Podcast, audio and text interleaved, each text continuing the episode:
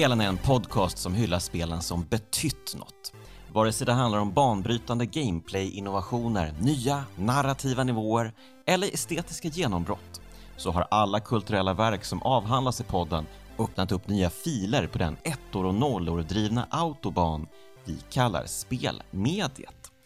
Jag heter Jonas Högberg och idag välkomnar jag tillbaka Viktor Sjöström till podden. Hej Viktor! Hej Jonas! Nu har du alltså cirkulerat tillbaka till, eh, vad säger man, botten på tunnan? Just det, precis. Eh, Ja, hur känns det att vara botten på tunnan? Det känns väl eh, hedrande på något sätt. Innan vi, innan vi börjar så måste jag bara också säga att det, faktiskt så är det väldigt kul att du gör det här. Jag, med det här menar jag alltså själva podden då. Jag, jag, jag vet av erfarenhet hur ja, men faktiskt svårt och eh, krävande det är att liksom ensam driva en podd och boka in gäster och styra upp och klippa och planera och hålla på. Det, är, det ska man inte ta eh, för givet. Så tack så mycket. Ja, men vad kul att du gillar det. Ehm, och eh, ja, alltså du, för de som inte uh, möjligtvis missat då, så var ju du med i Kraftspelen säsong 1 och du pratade ju Resident Evil eh, på min uppmaning. Och sen dess så har ju mycket vatten passerat under de där berömda broarna. Eh, jag har ju bland annat spelat in och släppt ett specialavsnitt om tidningen Superplay. Eh, Just det. Varpå du svarade på Twitter att du inte varit helt ärlig när det gäller dina känslor gentemot den nya Superplay. Eh, det Superplay som jag var en del av. Och det tänkte jag att vi måste börja med att bena ut här. Ska vi verkligen börja med det? Är det inte bättre att avsluta med det? Jaha, du vi vill ha en, eh, cliffhanger. Ja, eh, bygger vi ännu mer upp mot en cliffhanger som blir ett stort antiklimax i slutet kanske i och för sig. Nej, men jag, jag tänker det är ju, det är ju att roligt, det är ju roligt om, eh, ja men i och för sig absolut, eh, men det är ju roligt om det avslutar med att det visar sig att du hatar mig egentligen. Ehm, Så att Ja, ja, men det har vi väl, gått igenom ett helt avsnitt och ja, ja men det, det, kanske, det kanske är rätt. Det kanske är rätt. Ja, framförallt tänker jag att eh, de flesta som lyssnar på den här podcasten har väl sett att den handlar om Ocarina of Time och därmed är det huvudämnet. Ja, Man Kanske absolut. inte ska ha gammalt speltidningsgroll i fokus. Ehm, mm, vi, kan, ja, men, eh, vi, vi säger som så att vi kör en liten avslutning med det då, så det kan bli kul. Ehm, Please men, be excited. please be excited for that, så hoppar vi eh, bara rätt in i eh, veckans spel som ju då är Legend of Zelda, Ocarina of Time och då till skillnad från Resident Evil som jag valde åt dig så har du valt det här spelet själv. Mm. Och då måste man ju ändå fråga, vad betyder det här spelet för dig? Eh, jo, men det betyder väldigt mycket ändå. Eh, du och jag är ju från samma generation, ish. Och ehm, inför Ocarina of Time-släppet så, så var det ju en otrolig pepp och, eh, och så. Inte, inte bara inför spelet i sig, utan även inför konsolen Nintendo 64. Och då i förlängningen hela konceptet 3D.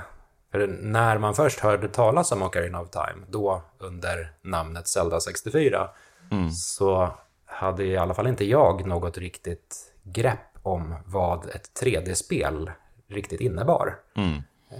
Så det var ju ja, men bokstavligt talat en helt ny dimension till, till spel. Så det, och det, det är ju någonting som man inte har riktigt idag. En, en, en, alltså man, man färdas ju sällan in på så, här så pass okända vatten idag.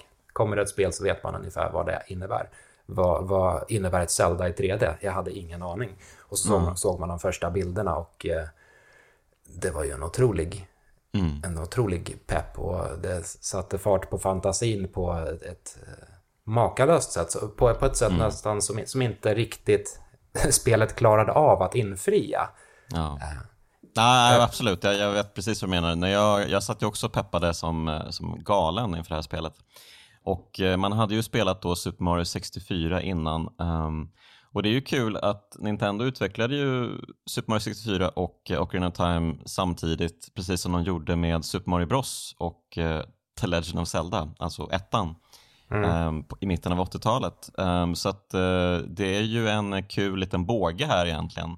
Att de eh, gör det en gång till så att säga. revolutionerar spelmediet med ett Mario-spel och ett Zelda-spel. Liksom.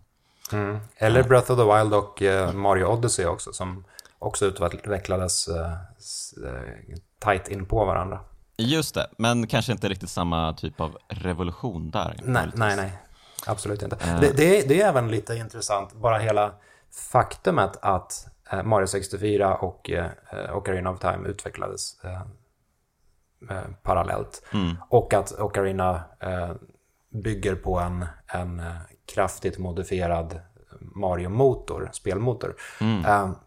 Jag läste på Wikipedia att Mario 64 Mario Kart 64 och Ocarina of Time utvecklades någorlunda parallellt. Eh, men det är ju det är ju inte heller hela sanningen. För om man kollar på eh, Nintendo Entertainment Analysis and Development Division, alltså Nintendos berömda eh, vad säger man, spelutvecklaravdelning, Nintendo ja, EAD helt enkelt. Ja. Så de gick ju in, som sagt, i, i Nintendo 64-eran i princip utan någon, någon 3D-kunskap. mm. På Nintendo hade man utvecklat eh, Star Fox. Eh, men det var ju även ett, ett samarbetsprojekt. Eh, men sen gjorde man eh, Mario 64 eh, och sen liksom om man kollar på listan över spel som släpptes mellan Mario 64 och Ocarina of Time så har vi eh, Juni eh, 96 Mario 64. Juli Pilot Wings 64, eh, också ett samarbetsprojekt i och för sig. Mm. September Wave Race. Eh, december Mario Kart 64. April Star Fox 64. Eh, april 97 då. Mm. Eh, sen kommer vi in på 98. Eh, februari 1080 Snowboarding. juli 98 F-Zero X. augusti 98 Pocket Monsters Stadium, alltså Pokémon Stadium. Mm. Och sen slutligen november 98 eh, Ocarina of Time. Så det är ju ett smatterband av 3D-spel. Och även om inte alla dessa utvecklades av exakt samma människor så, så är det ju vissa av människorna som har kommit och gått lite fram och tillbaka mellan de här teamen.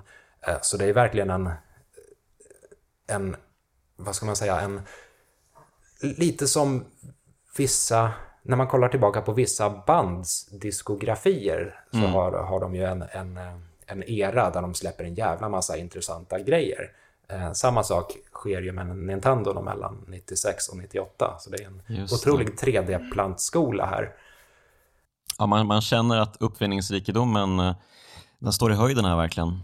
Ja, verkligen. Eh, och eh, slutligen då så 21 november 98 släpper de Ocarina of Time som någon mm. slags eh, kronjuvel på det, av det de har lärt sig om 3D de senaste eh, ett och ett halvt åren. Men då är man ju nyfiken, Viktor. Fick du spelet, eller köpte du spelet själv på releasedagen? Ja, det som jag minns det, ja. Mm. Och eh, du har ju redan sagt att du var helt eh, galet pepp och så, men liksom första, första spelupplevelsen, vad, vad minns du av den? Liksom? Som sagt, första spelupplevelsen egentligen, den började redan innan jag började spela spelet. För det, det, ja. Alltså det var ju lite så på den tiden att man, man, såg de första bilderna på ett spel och där, började, där satte fant fantasin igång. Mm. Så mitt första minne av Zelda, Zelda 64 då, så, eh, som det hette, eh, det var en bild av Link som stod i en skog. Eh, mm. Och det var som sagt innan jag hade spelat, ett, jag, jag, tror att det var innan jag hade spelat Mario 64 också, så jag kunde inte riktigt greppa konceptet 3D.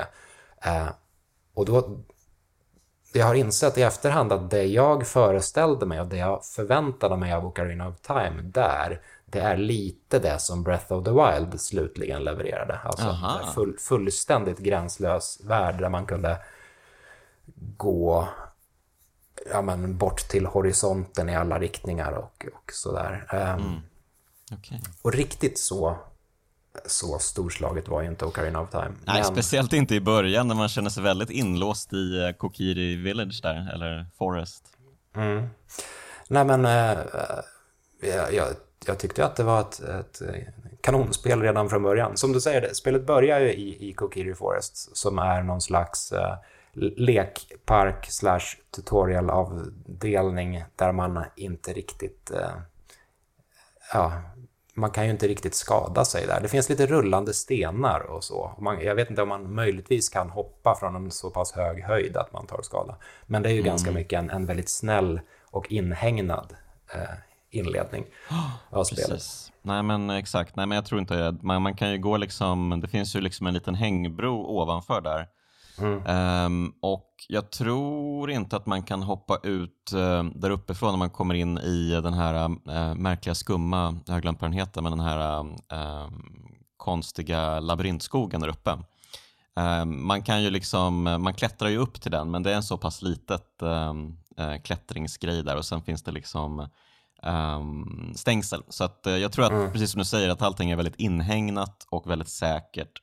Och spelaren ska liksom kunna gå runt och uh, ja, men verkligen bara upptäcka kontrollen och liksom, aha, okej, okay, Zelda med en analog spak, hur funkar det här? Kommer jag att uh, kommer jag överleva den här uh, persen? Mm. Men det gör man ju såklart.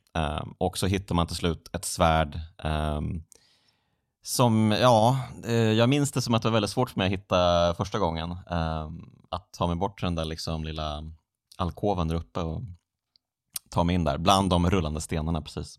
Mm.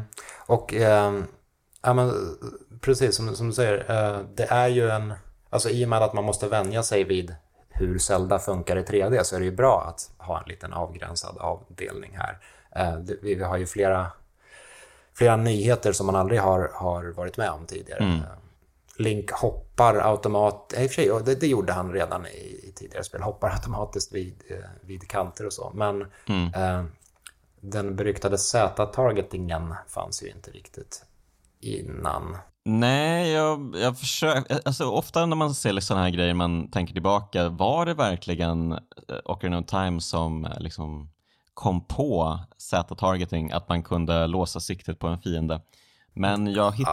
Ja, sanning, sanning med modifikation, ja, mm, det, det, finns säkert eh, någonting, något undantag, men eh, vi kan ju nog enas om att det fanns nog inget spel som gjorde det lika bra i alla fall, för det känns ju fortfarande väldigt smidigt det mesta, de här striderna.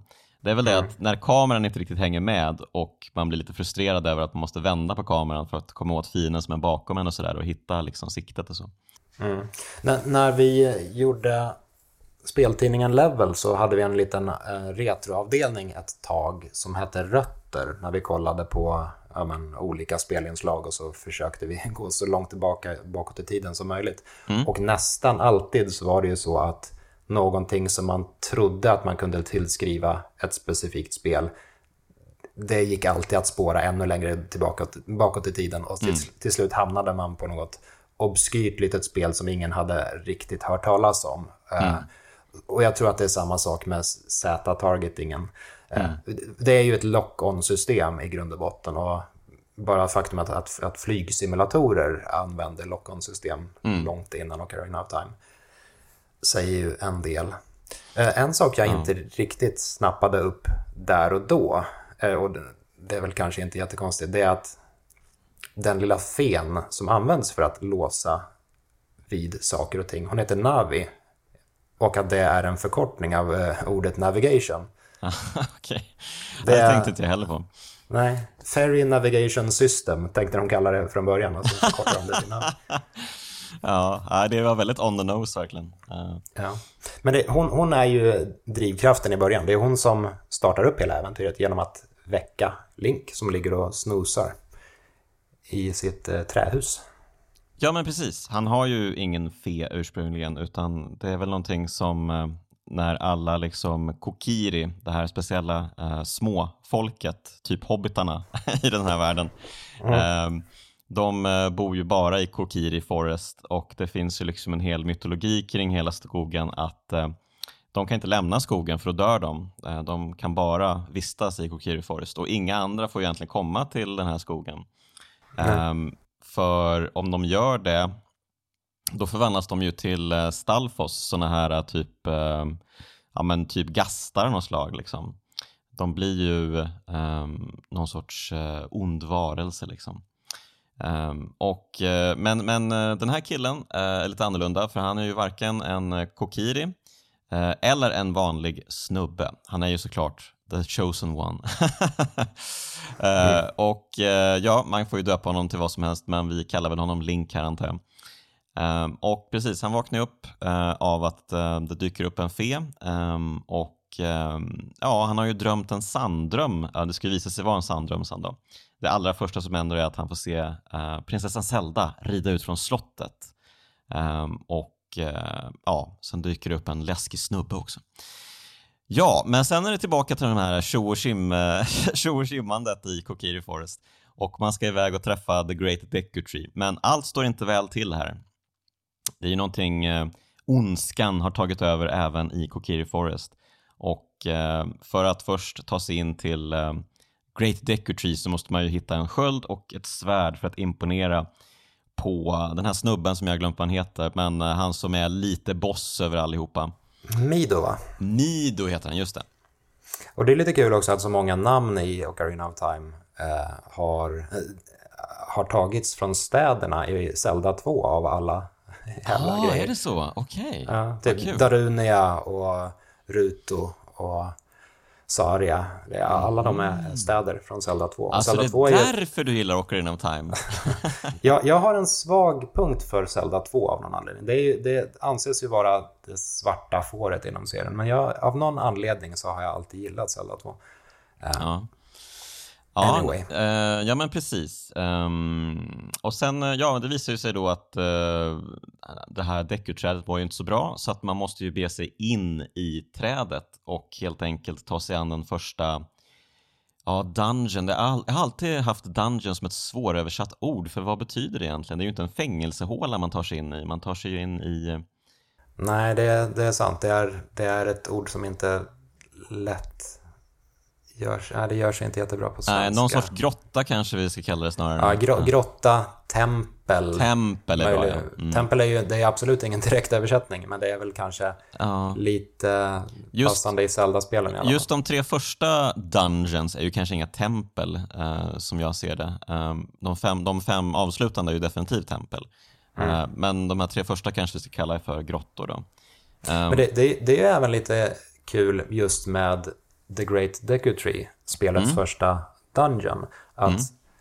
om man kollar bakåt till de fyra tidigare Zelda-spelen så har deras respektive Dungeons varit lite mer av just eh, ja, men, tempel, lite byggnader, grottor med mycket stenbeläggning och, eh, och sådär, kallt och hårt.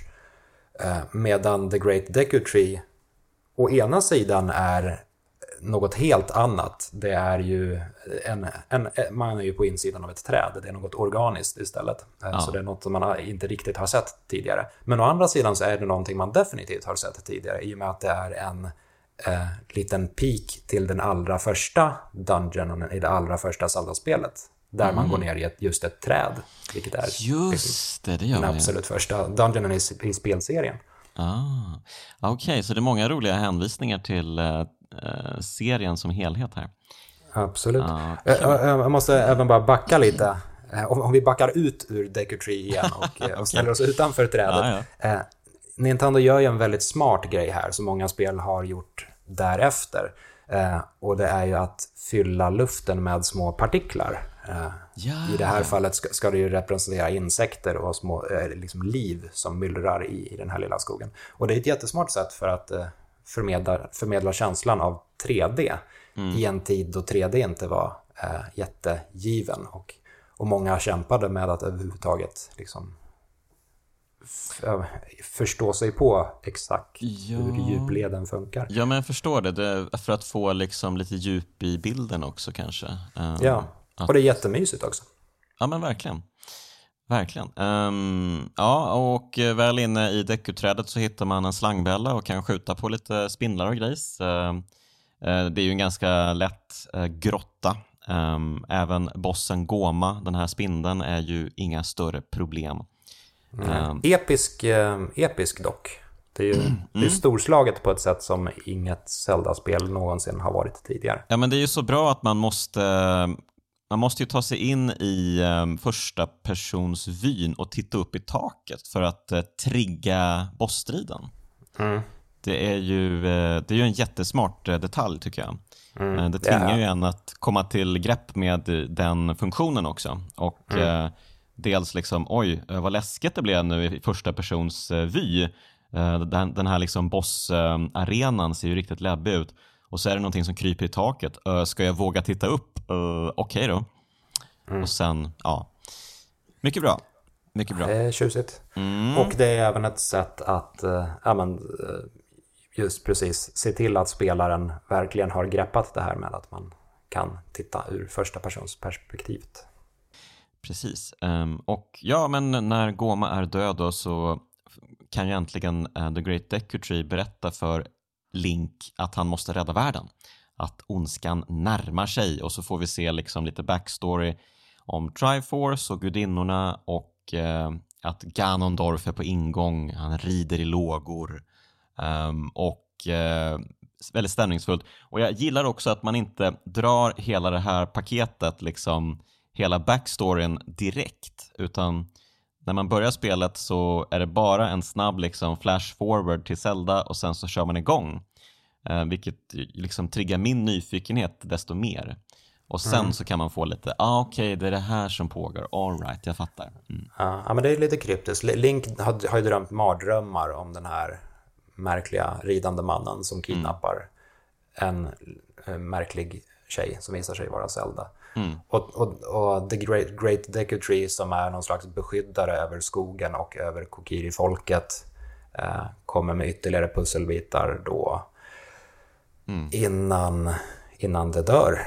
Mm. Det är ju det, det, är ju vad som händer. Trots att, eh, trots att man var inne och röjde runt i, i spelets första dungeon så var eh, trädet dömt redan från början. Och eh, coola vidden. Ja, och det är lite oklart. Jag antar att det var liksom den här eh, onda förbannelsen som eh, Ganondorf har lagt på trädet som eh, har kanske eskalerat saker och ting för det. För att jag menar, alla levande saker dör ju förr eller senare och så. Ehm, och ja, men och det blir ju en väldigt fin sak. Alltså det är väldigt fint ehm, ehm, visat här, Nintendo, hur de hur trädet dör, hur liksom barken liksom blir kall och hård och liksom den stretar sig uppåt mot trädkronorna och sådär. Mm. Um, till, till, skillnad från den varma, mjuka barken från eh, vanliga träd. ja, ja. Så är det. Så är det. Um, och sen så dyker det upp ännu en fin sekvens um, väldigt kort in på det här när man ska ta sig ut till uh, Hyrule Field. Man har ju fått liksom um, man har ju fått ett uh, fripass då, man får lämna Kokiri Forest. Um, men då kommer ju uh, Links gamla barndomsvän Saria um, precis på den här bron över till uh, utsidan. Då.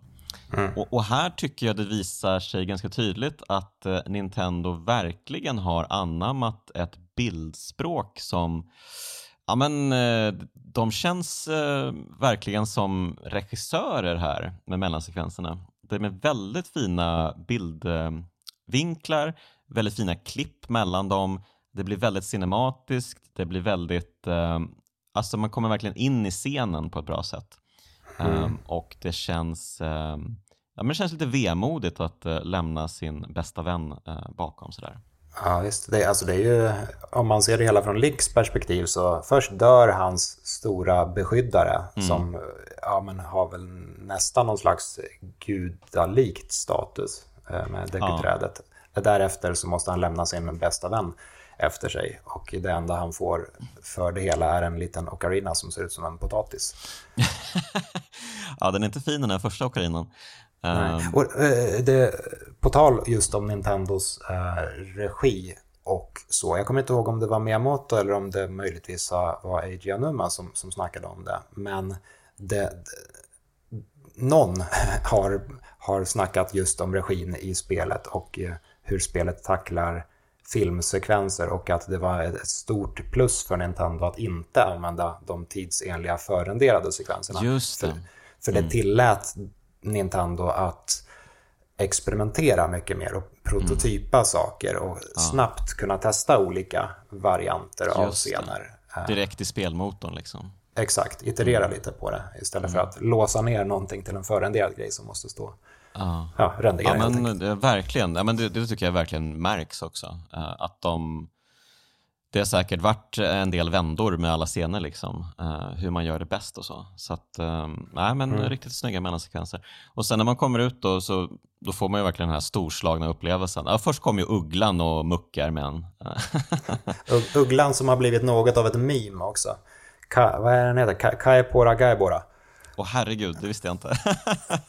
den har ju ett namn i okay, alla fall. Okay. Och drar ju en lång jävla harang om att hej och hå, nu ska jag berätta allting mellan himmel och jord. Oh, och sen avslutar den med Would you, vad han säger? Would you like me to repeat that? Oh. Yes, no. Oh. Och i ens iver att bara trycka förbi mm. hela den här enorma utläggningen så råkar man ju trycka på yes och så får man hela en gång till. Japp, uh, och om man har riktigt otur så får man ju det en gång till då. Uggeljävel. Man lär sig inte av sina misstag. Nej men uh, Ugglan alltså, jag, jag, tycker att han är helt onödig i spelet. Jag förstår inte varför han... För jag menar, Navi är ju ändå ens guide i spelet. Hon berättar ju om saker och ting och så redan. Um, mm. Jag förstår inte riktigt varför de kände att de behövde ha en till berättarröstpersonlighet. Ja, spelet har ju flera eh, sådana här system. Navi, eh, Ugglan, det finns såna här, eh, vad heter de, Gossip Stones också. Ja, just det. Mm. Utspridda. Och sen efter ett tag så kommer Impa in i bilden och blir också lite halvguide. Och sen Zelda ja, lite senare i spelet Hon är med väldigt lite i och för sig. Ja, det är sant. Men, eh, men Ugglan återkommer ju väldigt mycket under den här barndomsperioden. Um, Precis. Men eh, ja, och eh, vi, vi drar iväg till Hyrule Castle då. Um, mm. Och eh, där händer det grejer. Jag kom ju dit, uh, uh, fast det kan man ju inte göra. Jo, jag kom dit precis när den här, uh, vad säger man, hängbron, när den drogs Hängbryggan. Upp, hängbryggan, ja. när den drogs uppåt. Så mm. jag hade precis kommit på den när den drogs uppåt och natten föll. Mm. Um, så då kom jag in i Hyrule um, city, eller vad man kallar det, det här stadsområdet innan uh, slottet. Ja, då, då, måste jag bara fråga dig. Ja. Uh, då, då, gick du på lite äventyr ute på fältet först? Ja, men alltså när jag spelade första gången uh, på 90-talet, absolut. Då vill man ju se vad som fanns överallt. Då var ja. det ju enormt det här att man fick så mycket frihet. Uh, visst, man hade ju spelat Super Mario 64 och sprungit runt och sett massa olika saker, men det var ju en annan grej med Ocarina of Time, för här var det liksom inte så här uh, ja, den här grejen här borta kommer definitivt ge dig en stjärna, utan det var ju mest, uh, mest tom yta och sen lite um, plocksaker och så, och så såg man saker i fjärran, liksom Lon Lon Ranch där i mitten och mm. uh, möjligtvis att man såg Death Mountain och sådär. Ja. Så att man begav sig ju bort mot horisonten snarare ja. än att stanna för, kvar. För en sak som har stört mig under senare genomspelningar av, av Ocarina of Time, det är att när jag kommer ut på fältet, då sätter jag fart mot eh, slottsstaden det första jag gör och jag mm. hinner aldrig fram innan vindbryggan fälls upp. Aha, Eller ja. rättare sagt, jag, jag, jag hinner alltid fram lagom för att se den fällas upp och så blir det natt och så måste jag tillbringa den första natten utanför staden och slåss mot eh, skelett. Det kanske var så, men jag, jag, alltså, jag minns det som att jag lyckades ta mig till vindbryggan. Men um, jag kanske har blandat ihop det med när jag kom från uh, Kakariko Village någon gång, uh, möjligtvis. Men som jag minns det så kom jag in när det var natt i staden och kunde se uh, Malon stå och uh, sjunga där uh, mitt i, ehm, ehm, ja, mitt på torget där liksom. Um, och det var liksom väldigt um, tyst och härligt och det här liksom paret som älskar varandra som snurrar runt på sin egen lilla plats där. Um, till musiken, till det som Malon sjunger typ. Ja men det är allt de gör verkligen, de är kära och så, så snurrar de liksom. Som man gör. Precis, ja, men de snurrar ju precis som en sån där du vet eh, ballerina-grej, en sån här, du vet en ask som man öppnar och så är, blir det musik och sen så snurrar en liten ballerina runt. Det är ju liksom exakt samma eh, typ av upplevelse man får här när man springer in här och ser Malon sjunga och de här snurra. snurra snurrande paret, det är nästan lite Katamari Damacy över dem. Alltså, det, ja. det, skulle kunna vara en, en prop som man rullar upp i sin Katamari, i Katamari Damacy. Ja, det har du rätt i. Ja, men eh, det är ju många sådana liksom människotyper som känns eh, väldigt eh, levande trots att de egentligen inte gör någonting egentligen. Utan eh, bara det designen på dem och deras enda lilla usp liksom gör ändå att de sticker ut lite. Mm. Ja, men det är härligt. Och sen så ber man ju sig till slottet och eh, ja, först måste man ju prata med Malons pappa då. Eh, Super Mario. Super Mario. Precis, han ser exakt ut som Mario eh, utan kepa då. Eh, och lite bastantare kanske. Han har lite hårigare armar har jag för mig. Ja men verkligen, han ser lite... Ehm, det kanske är en blandning av Mario och Donkey Kong, vem vet? Ja, Mario är silkeslen. Det vet vi alla. Ja, precis. Han har inget skägg inte. Nej. Um, ja, och så väcker man honom med en liten tupp som man får, eller ett ägg först då, som man kläcker och så får man en tupp och så blir den glad av att väcka honom och då så kan man ta sig in i slottet och här blir det ju lite så här um, kurragömma nästan, att man, man gömmer sig för vakterna för att ta sig fram till Zelda och sådär. Så det är mycket så här liksom en barnupplevelse verkligen. Um, den här liksom, det första man gör i spelet när man är um, barnlink. Det är många sådana saker liksom.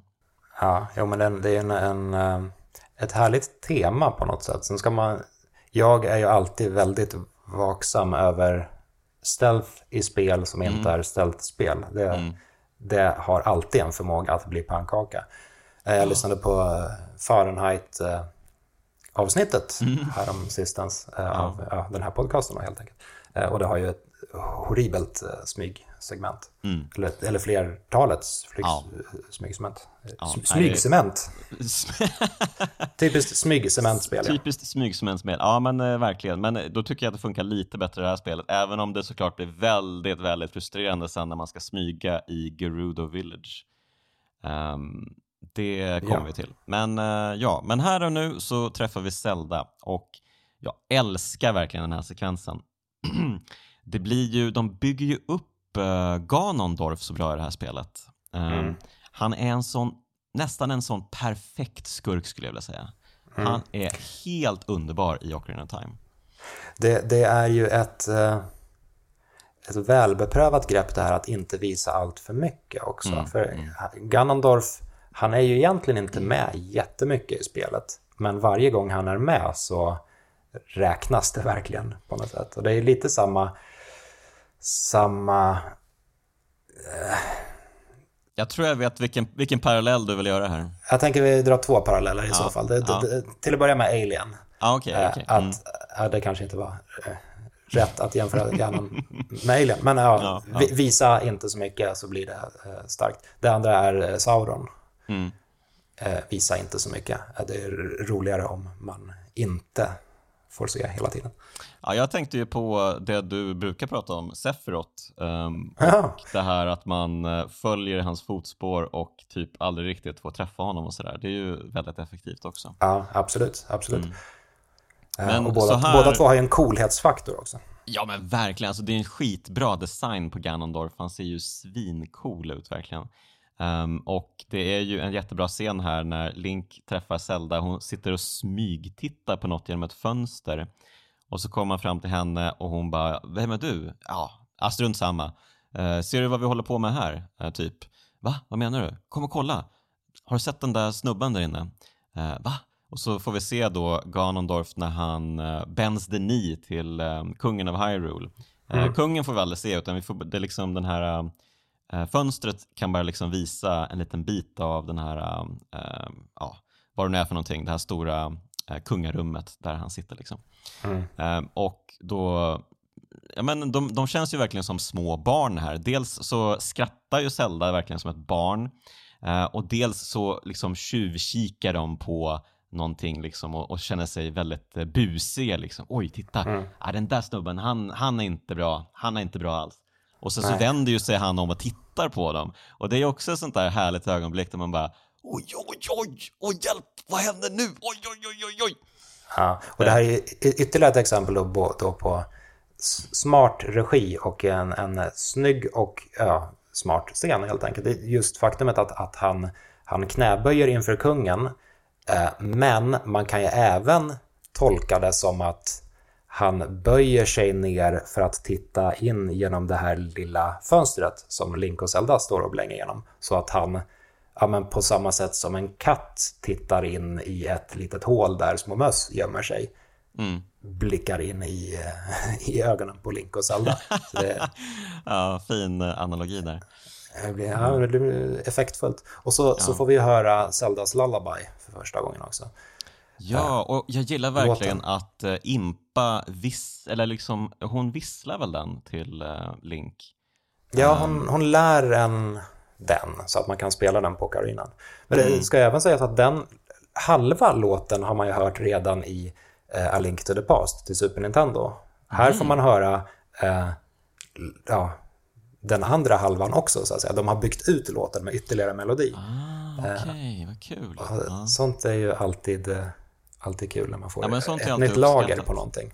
Ja, men, men som sagt, jag gillar verkligen att uh, Impa, um, hon visslar den, eller liksom, och det är, den heter ju Zeldas Lullaby och då tänker man ju, ja det är ju precis så här hon har gjort med Zelda under hela hennes uppväxt att man tänker att hon har liksom vischat henne till sömns genom att vissla på den här låten. Visslat henne till sömns? Ja, men jag vet inte riktigt, men hum, hymnat, hummat henne till sömns, jag vet inte, men uh, ja. Man, man, man, får ju en bild i huvudet nu av att Impa är en ganska brysk caretaker som där, nu ska du sova, nu ställer jag mig och busvisslar tills du sover. ja, men, eh, ja, men det är så jag vill se det i alla fall. Ja, uh, mycket, mycket bra. Uh, Ja, men eh, ja, och eh, man får ju då veta att eh, ja, den här snubben han är bad news och att kungen tror inte på Zelda, hon har också någon sorts premonition om den här killen. Ehm, för att hon är ju bara ett litet barn såklart. Hon kan ju inte såna här vuxna saker. Men såklart, det är ju barnen som kan bättre än de vuxna. Så att de skickar iväg då Link på ett äventyr att hitta två ytterligare Eh, ja, men vad ska man kalla det? Det är ju såna här eh, typ typiska så här Hitchcock-grejer liksom som inte betyder någonting egentligen. Man ska hitta två... Spirituella stenar? Ja, tre spirituella stenar behövs för att öppna uh, The Temple of Time helt enkelt. Mm. Så uh, nämnde vi det, att man fick en första sten av uh, trädet? Nej, det gjorde vi nog inte. Men ja. bra sagt, då har vi det med oss. Man får en grön sten av uh, Decatreat innan hen dör. Ja, och då drar man iväg då till eh, eh, nu ska vi se här, Kakariko Village heter det. Och det är ju en helt underbar låt. Jag fick sån fruktansvärd gåshud när jag kommer in i byn och eh, den här låten kör igång. Mm. Herregud alltså. Um, den är verkligen en av mina absoluta favoriter i hela Zelda-historien. Um, mm. Otroligt. Um, ja, och, uh, ja, och här finns det ju liksom massvis att göra, så man liksom, massa så här sidogrejer man kan göra och utforska. Liksom. Mm. Um, Snabbt sidospår angående mm. musiken då. Jag, jag, jag, håller med dig, jag, älskar Kakariko-låten. Däremot så tycker jag att um, affärslåten, ba, ba, ba, och, och så vidare eh, är lite väl uttjatad vid det här mm. laget. Mm. Det var många spel som följde Ocarina of Time som använde sig av exakt den här. Mm. Ja, Eller nej, vänta, men... nej, nej, nej förresten, jag tänker på rumslåten. Bam, ah, bam, bam, bam, bam, bam, bam, bam, bam, bam, bam, bam, och så vidare. I alla fall, eh, vi kan ja. enas om att Kakariko-låten är bra. Det kan vi verkligen. Och här kan man ju göra massa roliga saker. Man kan ju dels hjälpa den här kvinnan med hönorna, samla ihop dem och eh, då får man, vad får man då? Uh, får man en plånbok? Får man en... Nej, man får en man... glasflaska va? Ja, jag har för mig att det är en hön, hön, höneflicka som startar igång hela det här långa, långa sidequestet för att få nej, Big Goron Nej, jag tror att det är, när man är vuxen som man får den superhönan. Men är det inte en höna inblandad i där också? Jo, det är det. Jo, det är För den hönan ska man ju ha för att väcka... Ja, man ska ju väcka den här snubben i Kokiri Forest som sen blir en Stalfos. Han har ju irrat sig in där och börjat bli lite illa däran.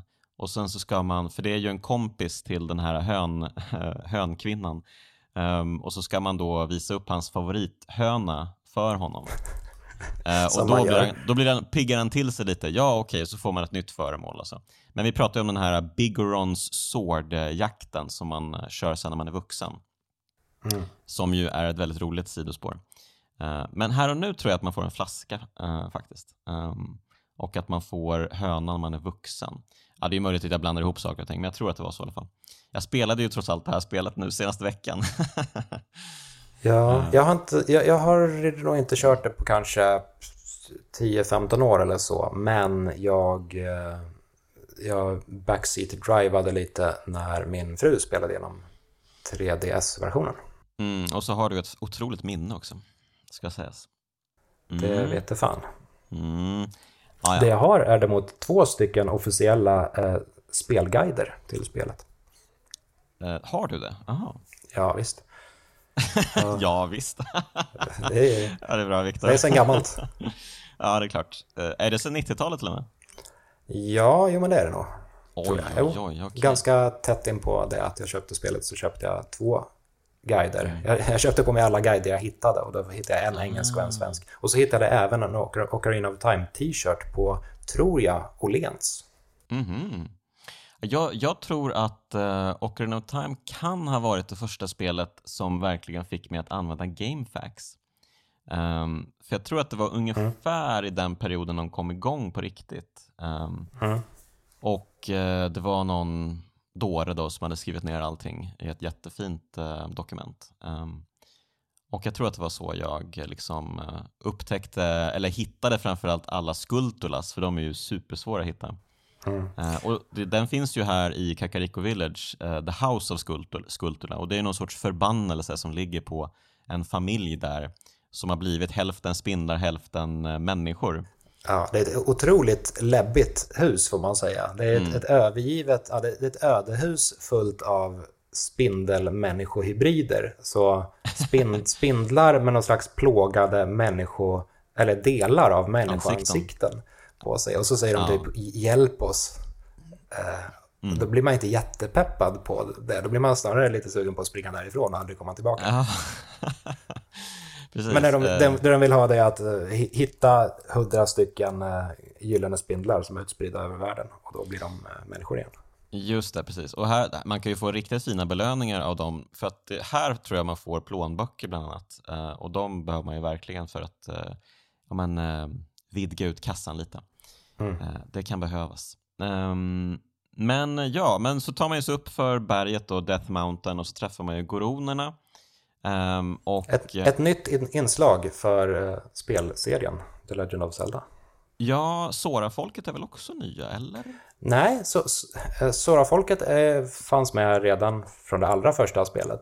Ja, eh, men de såg okay. väldigt annorlunda ut där. Mm. På den tiden så var de ju regelrätta fiender som ah. ploppade upp ur vattnet. Eh, även Zelda 3 hade ju Soras, där man fick, man fick ju besöka Soras eh, vattenfall och få, eh, vad heter det, eh, fotflippers. Eh, mm. Fick man därifrån. Men, men det är ju, Ocarina of Time är definitivt det första spelet där Soras har fått sitt nuvarande utseende. Nu för tiden så är mm. de ju någon slags slimmade delfinhunks på mm. den gamla goda tiden så var de snarare träskmonster. Just, eh, just nu, är det, nu är de eh, snällisar istället för dummisar. Just det, nu har de blivit mer alvlika och sådär. Um, ja. Och de är ju verkligen coola tycker jag i Majora's Mask. Där är de ju, för där ska man ju liksom sätta ihop ett rockband med uh, Sora-typer. ja, visst. ja, det är bra. Men, uh, men uh, Goronerna i alla fall då, de Stenfolket. Stenfolket, eh, de ser ut som stenar och de äter sten också. Och inte nog med att de äter sten, de, de har blivit eh, gourmander, med stengourmander som bara äter en speciell typ av sten som finns inne i Dodongo Cavern. Ja. Och den har ju då övertagits av en massa monster så de kommer inte in och kan äta sina stenar så att alla är ju liksom helt eh, väck där inne. De har ju inte ätit på veckor säkert. Man får ju säga att det här är något av ett lyxproblem på Death Mountain. Alltså, ja. vi, vi kan inte äta vår favorit stensort, men mm. ät någon annan stensort då istället för att svälta. Ja, man blir nästan lite lack på dem. Uh, är ni dumma i huvudet liksom? Men ja. Uh, ja. Visst, visst, visst. Um, och så ska man ju uh, köra Zeldas Lullaby för att komma in till Darunia som är deras ledare och uh, så ska man ju, för honom ska man ju då spela Sarias låt. Mm. Och jag är lite oklar om han känner henne, jag kommer ja. Men, och det här, ja. det här är ju ett exempel på att Ocarina of Time trots allt är ett spel från 1998. Mm. Det, är, det är inte längre världens mest tydliga spel i sin, i sin pussellösning alla gånger. För han, han säger så här, ja, jag vill ha någon, vad han säger, jag vill ha en låt som jag kan eh, dansa till, som uh, får mig glad, som uh, får igång mig, eller vad mm. den är. Uh, och då ska man dra slutsatsen att gå tillbaka och snacka med Saria som man har tagit ett uh, känslofyllt farväl av. ja. Nu ska man tillbaka Nej. till henne och lära sig en låt och spela för den här stengubben. Det är Just det. lite otydligt. Precis, så det där känslosamma farvälet, det gällde typ bara en dag eller två och nu är man tillbaka där och, och eh, har tjo med henne igen. Ja. Um, så att, uh, ja, nej men och det är ju en jätte, jättekul, när man väl spelar den här uh, Saria-låten, då är kanske, det här är kanske min favorit uh, mellansekvens i hela spelet. nej, där, du, ju, där du när jag dansar? han går ju batshit crazy verkligen. Och kameravinklarna går ju också crazy och det blir ju en klippning som jag aldrig sett i något annat uh, Nintendo-spel. Det är ju så här nästan MTV-klippning här, alltså det är bara pang, pang, pang, pang, pang, pang, pang. Ja, placera kameran inuti en fackla ett tag. Ja, just det.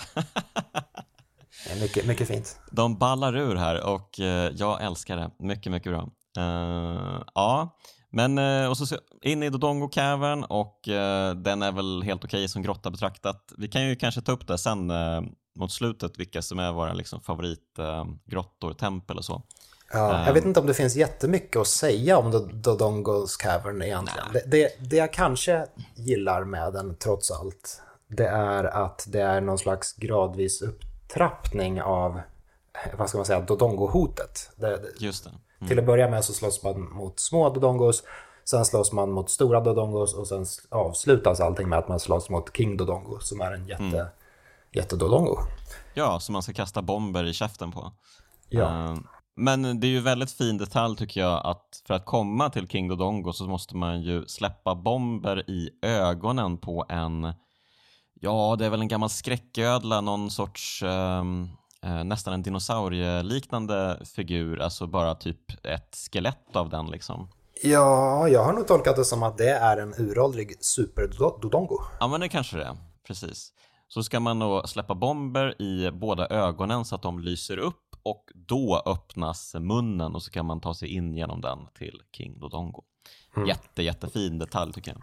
Ja, nu har vi sagt Dodongo väldigt mycket utan att egentligen förklara vad en Dodongo är. Det är en, eh, ja, men typ en fyrbent eh, dinosaurie. Ja, någon sorts ödleliknande variant, precis. Ja. Um, ja, men eh, ja, den, den är helt okej okay, Dungeon, men ja, det är inget som står ut här tycker jag, förutom uh, den detaljen. Då. Men uh, då är man klar med det här, pang bom, man drar iväg till uh, Go, uh, Soras Domain. Oh, in, innan, innan vi sti- jag vill vara kvar på Death Mountain en, mm-hmm. en uh, liten stund bara. Uh, Death Mountain, för, för, när man står uppe på Death Mountain då kan man ju blicka ner mot uh, Kakariko Village. Och mm. det är ju ett av spelets absolut vackraste vyer. Trots den begränsade tekniken och den suddiga lilla platta 2D-bilden så mm. ger det ju en otrolig känsla att titta tillbaka på en by långt, långt där nere och så ser man de små ljusen från fönstren när det blir mörkt. Och bara faktumet att veta att där var jag för ett tag sedan. Nu är jag högt, högt här uppe. Mm. Eh, jag, jag, har alltid gillat sånt i tv-spel. Eh, mm.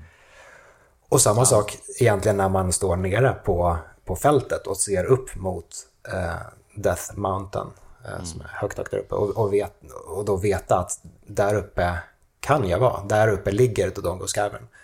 Mm. Det, gör, det, det, det, är ett eh, jävligt schysst världsbygge. Ja men verkligen. Och det är ju det är härligt att de, att de lyckades få in de detaljerna även här i det här gamla spelet som ändå liksom är uppbyggt av um, sektioner. Uh, världen sitter ju egentligen inte ihop på samma sätt som den gör i Breath of the Wild till exempelvis. Mm. Där, kan man ju, där är liksom inga um, um, laddningstider eller någonting utan man, man tar sig till det man ser efter mycket om och men. men. Men här så går man i alla fall in i vissa eh, sektioner och så blir den jätte, jättekort. Det är ju nästan ingen laddningstid överhuvudtaget, men Nej. det är, skärmen blir svart i typ två sekunder och sen så kommer man till exempelvis, ja nu är jag inne i Kakariko Village liksom. Mm. Från Hyrule Field och så. Eh, men, så det är jättekul att de får till den uh, detaljrikedomen ändå. Så det är ja, visst. Men, och sen Soros Domain då, man springer upp, man träffar på en kille med uh, lustiga, um, ja vad kallar man det? Det är sprouts tror jag. Uh, så man kan bygga roliga saker sen när man blir vuxen. B bönkillen? Bönkillen, där har vi bönor var det han säljer, just det. Ja. Mm. Och det är lite kul, för det är ju ett av ett pussel som bygger på, eller en mekanik som bygger på just faktumet att man reser genom tiden och att, att spelet utspelar sig i två tidsåldrar. Man mm. får bönor som man planterar på olika ställen som barn och sen när man är vuxen så har de eh, vuxit upp eh, och blivit blad som man kan åka på. Mm. Och genom att göra det så hittar man hemliga skatter. Ja, jag tycker att eh, det hade varit kul om det varit lite mer sådana detaljer, för just det här är ju jättekul att man liksom, jaha, hur tusan ska jag ta mig upp dit? Det finns ju inget sätt, ens med senare liksom eh, eh, verktyg som jag kan ta mig upp dit. Jaha, det är den här prylen om sju år, all right, kul. Mm. Um, så lite mer sådana saker hade varit roligt tycker jag. Men det är klart, uh, man får ju cut spelet lite slack. Uh, det var ju ändå revolutionerande för sin tid. Ja, um. Och har faktiskt ändå ganska mycket innehåll. Um, ja, man tar sig in i Soras Domain och uh, här står ju inte allt rätt till heller. Det, den här prinsessan Ruto har försvunnit. Ja, jätte, jättevackert ställe för övrigt. Ja, det är så fint här. Oh, och det är en jättehärlig låt. Det är väldigt ja. så här, eh, jag skulle vilja använda det engelska ordet tranquil. Ja. jag kommer inte på något. Ja, men det, det, Ja, den är, den är jättemysig och eh, rogivande och sen ser man ju vattenreflektionerna på den här underjordiska eh, mm. grottan mm. där vattenfolket Sora bor. Ett, eh, ett av spelets absolut mysigaste platser. Ja, med ett av spelets mest frustrerande moment. Eh, när man väl har fått på sig, um, ja vad är det man får? Man får ju, uh, ja man, man hoppar ju ner, man får ju de här um, vad är det jag tänker på? Jo, man får ju den här simförmågan som gör att man kan simma ner lite längre ner. Och på så sätt kan man, kan man simma ner i en warp zone som tar en till Lake Hylia. Och där hittar man en flaska på botten med ett, ett meddelande i eh, från prinsessan Ruto. Att eh, ja, nu händer det saker här borta vid eh, Lord Jabu Jabu, du måste komma och hjälpa mig. Och så visar man det sen då för hennes pappa som självklart blir orolig och tycker hallå där, du måste gå och undersöka det här. Och då ska man alltså, eller då, då får man alltså vänta på honom i, ja men kanske, vad kan det vara, en minut på att han ska liksom vagga åt sidan och öppna väg till eh, Lord Jabu Jabu. Ja, det är ju, mm, det, det måste ju vara en, en medvetet, jag, jag kan mycket väl tänka mig att Nintendo i allmänhet och kanske Miyamoto i synnerhet tyckte att det här var en väldigt rolig sekvens. Att eh, ja, men om, om han gör det jättelångsamt och så låter han lite lustigt eh, samtidigt som han, för han, han gör något så här mm. eh, ljud för varje litet vaggande. Mm. Ja, det är som att han att... säger jag är en fiskvarelse, jag är en fiskvarelse, jag är en fiskvarelse. ja, lite så. Och sen slutligen då så är det klart och då kan, kan man passera. Ja. Eh, ja, och då ska man ju fånga en fisk eh, i en glasflaska och eh, helt enkelt presentera den för Lord Jabu Jabu som är en jättefisk. Då blir han sugen på fisk och öppnar käften och suger in Link till den tredje grottan som är då inuti Lord Jabu Jabus mage. Och det här är ju antagligen spelets absolut gräsligaste grotta tycker jag. På många sätt. Den är ju ganska speciell för det, alltså hela, hela grottan utspelar sig då på insidan av en jättefisk. Och det går, det går ju att dra massor med paralleller här till Jona i valfiskens buk eller den här eh, Halo 3-banan när man eh, färdas in i ett infekterat anus eller eh, ja, motsvarande. Det är, det är en, en, väldigt köttig upplevelse. Det, det, och, och, det har, det, hela grottan har en sån, tycker jag ändå, härlig, härligt bisarr ljuddesign. Det är ju massor mm. med här kroppsljud. Det är som att de har lagt en mick mot någons mage. Eh, låter nästan lite som så här Conquers Bad Fur Day under de värsta bajspartierna. Mm. Eh, så det är mycket kurrande och knorrande och ja, en våt, köttig känsla oh, i hela ja. denna... Ja. Ja, nej men eh, framförallt alltså grafiken här, den blir ju... Eh, det är jobbigt att titta på sin TV när man är inne i Lord Jabu, Jabu Jabus grotta, eller mage. Ehm, för det är såna fruktansvärda färger som eh, rör sig liksom organiskt överallt. Ehm, så att eh, Nej, det här är verkligen en av mina absoluta hat-dungeons måste jag säga. Ehm. Den är lite speciell också eftersom ja, poängen med att vara där är ju att Ruto har blivit svald av mm. Lord Jabu Jabu, jättefisken. Så prinsessan är svald och finns här inne någonstans. Och sen hittar man henne efter ett tag och därefter så börjar man använda sig av Ruto som ett slags eh, föremål nästan. Eller som ett, eh, som ett hjälpmedel. Hon, hon, spelmekaniskt påminner hon om det stora tunga klotet man bär runt i är det Eagle Tower i eh, Link's Awakening. Så hon mm. blir ett objekt som man kan kasta och eh, sätta på knappar och, och eh, så. Just det lite intressant spelmekanisk eh, lösning. Ja, och det, det här är ju också en tradition det här att man har med sig en eh, person i en dungeon. Det känner vi ju igen från A Link to the Past också. Mm. Um, och det har väl gjorts senare i serien också. Nu kommer jag inte på nu riktigt, men... Uh... Ja, Zelda 2 har ju en, en märklig sekvens när man ska rädda ett kidnappat barn och när man väl gör det då lyfter Link glatt upp barnet över huvudet som om barnet vore vilket föremål som helst. Zelda 4 gör samma sak med, eh, vad heter hon? Eh, Mar Marin. Nej, vänta, Marin, det är Ocarina of Time. Ja, tjejen i eh, Link's Awakening i alla fall lyfts också upp över huvudet. Så Link har ju en förkärlek för, för att lyfta upp folk över sitt huvud. okay. Starka armmuskler. Ja, verkligen. Um, och, ja, och den här Ruto, hon är ju lite av en bortskämd bracka uh, som uh, ja, men säger åt honom typ att nu ska du göra det här, jag är en prinsessa och du, du ska hjälpa mig typ. Uh, fast först så vill hon ju inte alls bli hjälpt utan hon springer iväg och, hamn, och ramlar ner i ett hål det första hon gör. Ja. Så att hon, hon känns ganska värdelös som, både som person och som, som medhjälpare liksom. Men bra som låda att placera på knappar. Ja, så det gör man ju mycket och eh, ja, eh, till slut så kommer man fram till eh, den här bossen som, eh, ja, den var ganska tråkig tycker jag om man jämför med de andra. Um, Barnacle va? Just det. Um, ja, nej men överlag alltså det är en riktig skit-dungeon det här tycker jag.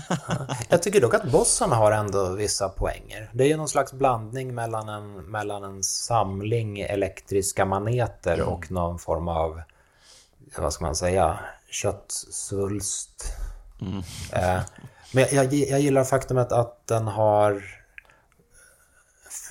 ja, jag vet inte om man kan kalla det för flera träffområden, men man, man plockar väl, om jag minns det rätt, isär bossen bit för bit. Mm. På något vis, eh, med hjälp av ja, bumerangen. Ja men exakt, man tar ju bort de här manetgrejerna från den stora slambobban så att man kommer åt att slå på den. Uh, precis. Um, ja, nej, men uh, ja, ja, vi är klara med det. Pang bom, vi springer tillbaka till Hyrule Castle och nu äntligen. Nu, så... nu, har, nu har man ju tre stenar. Nu har man tre stenar, nu tänker man, nu är man ju uh, glad som ett litet barn och uh, tänker nu ska jag till uh, Temple of Time, allt ska lösa sig. Men så kommer man till den här vindbryggan och ja, men då kommer den här sekvensen som vi såg i allra början av spelet. Impa rider ut med prinsessan Zelda bakom sig. Eh, Zelda kastar tillbaka någonting som hamnar i vattnet i vallgraven. Eh, och sen när man tittar tillbaka från att titta på vallgraven, pang bom så är han där. Ganondorf! En underbar scen verkligen, eh, som också jobbar väldigt mycket bra med eh, bildvinklar, uppbyggning och eh, bra musik också. Ja, visst. Uh, så att uh, ja, man blir ju spak verkligen när Ganondorf tittar en rakt i ögonen och bara vart tog hon vägen? och så visar man sig lite kaxig och då skrattar han bara åt den typ. Och ja. Och, och zappar den med magi. Ja, första, första smaken av de här elektriska kulorna som han sen kommer att pumpa ut som en dåre mot honom senare i spelet. Uh, ja, men han rider efter dem och man fiskar då upp The Ocarina of Time ur vallgraven. Och sen springer man in i Temple of Time och ehm, ja, det är inte mycket att göra. Det är bara in, plocka mästersvärdet och pang bom så har man gjort bort sig. Jag ja, älskar det. Precis. Att, man, att man, eh, man tror att man gör rätt men i själva verket så gör man fel. För när man eh, plockar upp eh, Master Sword från sin eh, plats då, då öppnar man samtidigt dörren till The Sacred Realm. Och det är ju dit in som Ganondorf har velat ta sig hela tiden. Så att eh, han har ju lurat Link att göra det här åt honom egentligen. Ja, det som händer det är ju att Ganon kan ta sig in till, till The Sacred Realm för att få för att nalla eh, trekraften helt enkelt. Mm. Eh, och Link bedöms inte vara tillräckligt eh, gammal, tillräckligt mogen för att eh, hantera eh, hantera det här. Så hans själ sätts i någon slags djupfrysning. Han, han, eh, han, han blir pausad helt enkelt eh, mm. i sju år. Ja, hans själ, men inte hans kropp, för den växer ju i sju år. Mm. Så det, så, det tyckte jag lite var lite, ja, okej, okay, okej. Okay. Mm. Så egentligen, blir han blir ju någon slags eh, förvuxet barn, och man-baby av något slag. Ja. Om man ska vara krass. Eh, så han får en sju år äldre kropp men inte ett sju år äldre sinne. Eh, och så vaknar han upp eh, sju år senare i en, i en värld som ser helt annorlunda ut. Ja, och det här med att han fortfarande har en sjuåring sinne, det, det yttrar ju sig flera gånger när han blir förskräckt av att kvinnor visar sig uppskatta hans utseende och kropp. Eh, det kan vi också komma till.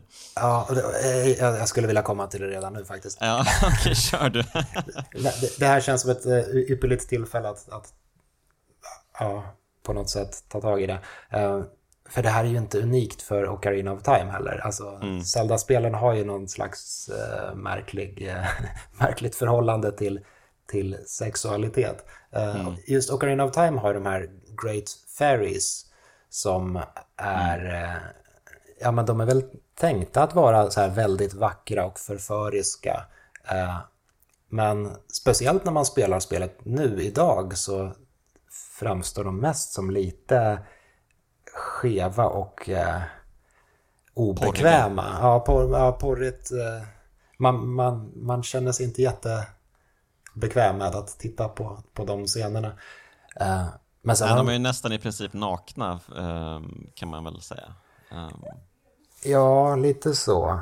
Men sen, sen även senare spel, så senast som i, i eh, Breath of the Wild. Breath of the Wild har ju också såna här Great Fairies. Ehm, mm. Och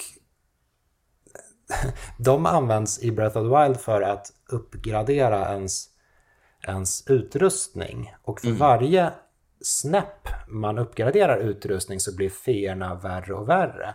Och det, det, det uppgraderar man första steget, då blåser de någon slags ljus på Link. Andra mm. steget, mm. då pussar de på sitt finger och duttar fingret på Link.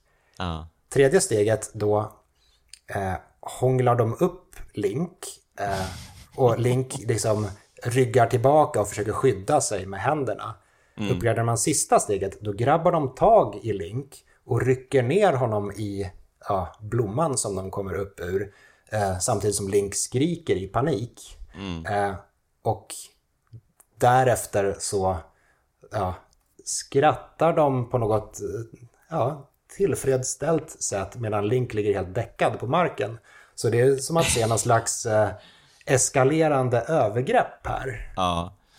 Jo, men jag har också märkt det där i, tycker jag ser det ganska mycket i japanska spel, um, att uh, lystna kvinnor gärna liksom kastar sig över män som egentligen känns väldigt asexuella och inte vill ha någonting med det att göra. Och jag vet inte om det liksom på något sätt är grundat i någon sorts, uh, i den japanska, um, hur, hur man ser på sexualitet i Japan och så. Ja, men det, det, det, det, känns som att det är något, att det, det är menat som någon form av humor helt enkelt. Att, mm. aha, titta, han vill inte alls bli eh, upphånglad, men nu blev han mm. ändå. Jag vet inte.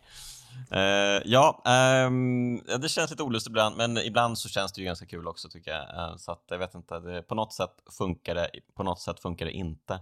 Um, ja, Nej, vi, vi, vi kanske ska lämna det därhän bara. Men... Ja, eh, nu, nu har Link en vuxen kropp i alla fall som mm. kan eh, potentiellt antastas. ja, och framförallt så kan han ju äntligen då utmana eh, Ganondorf. Men för att kunna göra det så måste han ju först då väcka eh, de eh, hur många är det? De, de, sex uh, sages, jag vet inte hur man ska översätta. Nej, det, det är sju stycken Sju, men, just det, sända ja, en Sage också. Just det. Precis, det är sju stycken och det, det gör ju att man gärna tänker tillbaka på spelet som längre än vad det är egentligen. Mm. Men, men faktum är att man, man behöver bara få fem av dessa Sages via mm. tempel. Eh, den första Sagen, eh, vad heter den, Rauru, eh, ja, är ju den gamla mannen som välkomnar en när man vaknar upp efter mm. de här sju åren. Den sjunde Sagen är Zelda själv. Mm. Uh, och sen ja. de övriga fem tillhör Tempel. Ja, och de övriga fem är ju också Links vänner från sin barndom, eller folk han stött på i alla fall.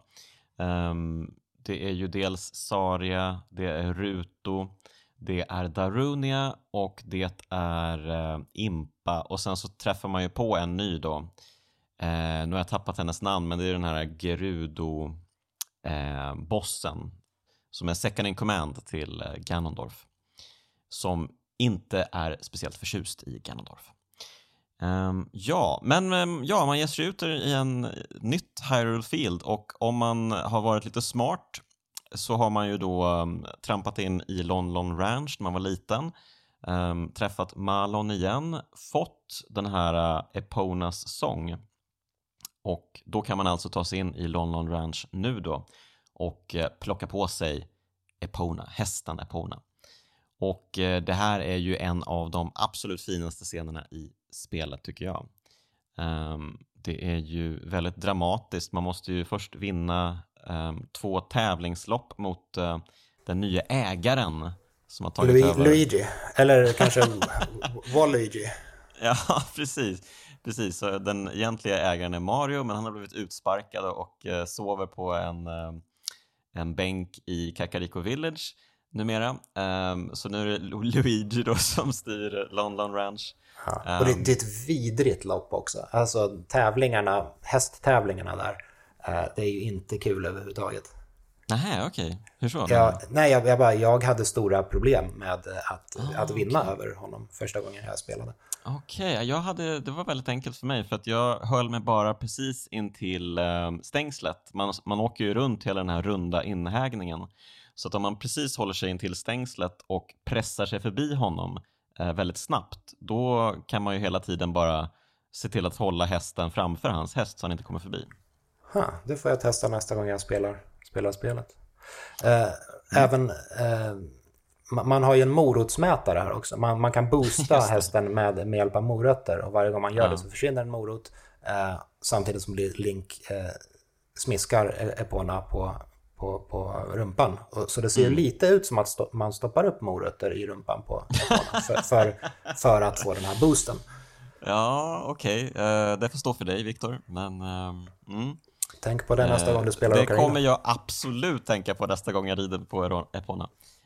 Um, men ja, så till slut så vinner man ju och då har man ju vunnit Epona i att man har slagit vad med den här Luigi-karaktären, jag kommer inte på vad han heter nu, men, och han säger då, ja, ja visst, du får hästen, men du kommer inte härifrån. Nu stänger jag liksom eh, in dig här i eh, London Ranch. Och då, då nej men ursprungligen så fattar man ju typ ingenting, för man springer runt med hästen och bara, jaha, vad ska jag göra nu då? Men tanken är ju då att man ska helt enkelt rida Epona mot muren och eh, hoppa över den. Ehm, och då blir det ett så här stort dramatiskt ögonblick med mellansekvens där man hoppar utanför och ja, men hästen stegrar sig och eh, ja, men det är, jättefint helt enkelt. Mm. Vi har heller inte riktigt snackat om det första som händer när man kommer ut i den nya världen sju år senare. Mm. För innan man kommer ut på fältet så måste man ju passera genom slottstaden eh, Castletown och den är ju helt ödelagd och eh, enbart befolkad av såna här vidriga eh, zombieliknande varelser. Eh, mm. Som är en av fienderna, äh, en av eh, spelets absolut läskigaste fiender. När, när de får syn på Link så skriker de och så blir man paralyserad. Och därefter så går de fram till en och så dry-hampar den på något jättemärkligt sätt. Eh, det är... Ja, jag vet inte riktigt vad, vad det är som sker, men det är obehagligt. Är eh, Så det, det, är ens, det är ens första möte med den nya världen. Och sen om, om man, man... Att bli dry-hampad av zombier. Eh, mm. Och om man sen inte går ut på fältet utan går upp mot slottet istället då så får man ju se en mäktig sekvens när Ganons slott visas. Mm. Eh, och det är ju ett, ett flygande slott över en, en, en krater eh, mm. och sen mörka eh, domedagsmoln ovanför. Så det är en apokalyptisk scen där. Ja, verkligen. Ja, men eh, just, just den delen och eh, själva stadskärnan är ju liksom helt förstörda. Liksom. Här vistas ju ingen längre, här bor ingen längre. Nej. Men, men det är ju inte så att man, man känner den här förstörelsen längre ut egentligen i, i Hyrule. Nej, som uh, värst vid slottet. Precis. Sen har ju såklart Ganondorf eh, gjort vissa bussträck här och där. Ehm, bland annat eh, ja, men, eh, han har ju förstört många sätt för de andra eh, byarna och så. Men först så måste man ju bege sig till Kakariko Village igen för att hämta ett nytt föremål som man behöver. Så man ska, man ska följa John i kyrkogården, eller följa Dampe som han heter. Ehm, den ehm, uh, gravgrävaren som man kunde stöta på när man var sju år gammal, men som nu har dött. Så då ska man följa efter hans spöke ner i en grav och eh, springa igenom en rad olika utmaningar och så. Måste, det är bråttom, bråttom, bråttom. Och lyckas man så får man ju då eh, hakskottet. Vilket gör att man då kan ta sig upp till skogstemplet eh, i Kokiri Forest. Mm. Eh, ja. Och det är ju spelets kind of, på sätt och vis, första alltså, riktiga dungeon. Vi snackade tidigare om, om att det är lite svårt att översätta ordet dungeon, men det här är ju mer av en mm. klassisk dungeon, mer av ett tempel ja. just. Eh, och det, det, är även det första, eh, första dungeonen som har små nycklar också. Eh, mm. Spelets tre första har inte nycklar över, överhuvudtaget. Eh, och det är ett jättemysigt ja. ställe. Det är ett jättemysigt ställe. Alltså det, det är lustigt för att det, det, är både ett extremt frustrerande tempel för mig då, mm. men det är också ett extremt väldesignat tempel märker man. Det är så himla smarta grejer här som händer och det, det känns lite som ett um, det känns, lite som Lustiga huset, eller det känns som ett um, något sorts spökhus på ett tivoli nästan. Det är så många konstiga saker som händer här. Dels det här med du vet, de här korridorerna som man kan räta ut. Alltså de, de beter sig som en... Um, spiral. Som en spiral, precis. Bra ord. Uh, men så om man hoppar på en switch så kan man liksom räta ut den här korridoren och på så sätt ta sig till um, väggen. Man kan stå på väggen i nästa rum liksom. Mm. Så det är många sådana detaljer som är väldigt roliga i det här ja. templet. Och så går man på spökjakt också och ska hitta spöken för att tända lågor i, mm. eh, i en kammare. Eh, jätte, jättefin låt också. Musiken mm. är kalas, mm. Eh, kalasbra här. Verkligen, och eh, det är ju inte minst en spännande boss också. Eh, då man först bara va? Dyker Ganondorf upp här? Och så drar han av sig ansiktet och så, så är han en låga bara. Ja, det är ju ytterligare ett, ett exempel på en så här, egentligen ganska obehaglig sekvens. En, ja. En, en människa som sliter av sig själv ansiktet. Det är ju inte, det är inte sympatiskt. Nej, det är verkligen inte sympatiskt Viktor. Uh, men det är ju inte den riktiga Ganondorf utan det är någon sorts uh, spöke som har fått formen av Ganondorf. Det, ja. Han har brukat sin eh, onda magi på det. Phantom.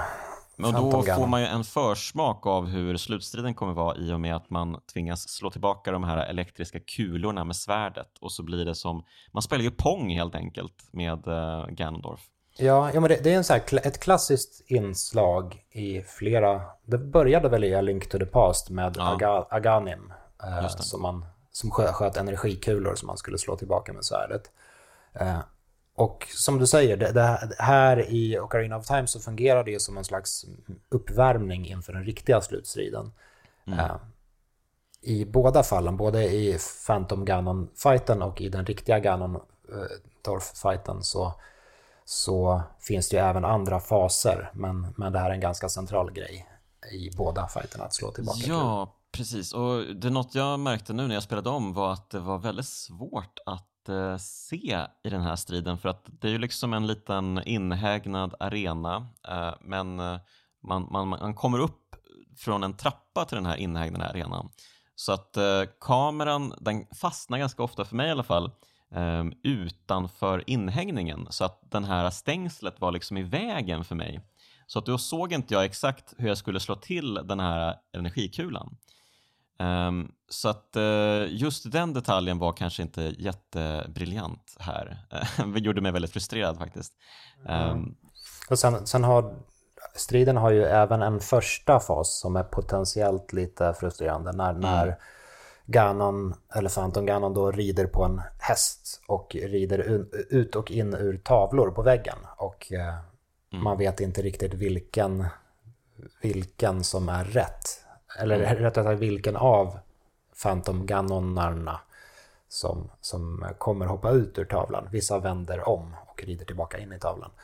och, eh, och så måste man, måste man skjuta med pilbågen på rätt. Ja. Ja, nej, men eh, det är en ganska kul strid um, och eh, det tog mig ett par försök faktiskt. Um, jag, jag kände, jo, just det, nu, nu minns jag en grej som jag måste prata om. För att jag spelade faktiskt um, Ocarina of Time nu på Switch online. Mm.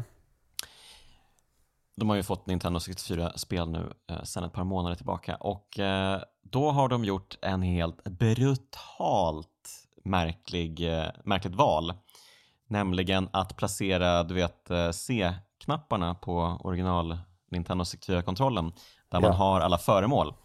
Eh, det har man då på den andra analoga spaken här. Och ja. det är inte ett toppenval kan jag säga. Eh, för det är otroligt lätt att råka slinta lite åt sidan och istället få en helt annan sak att använda. Så när man ska skjuta en, en med eh, pilbågen så måste man ju först eh, dra spaken åt sidan och sen ska man släppa den. Men då är det lätt att, man, att spaken kanske flyger åt andra hållet, åt eh, högerhållet.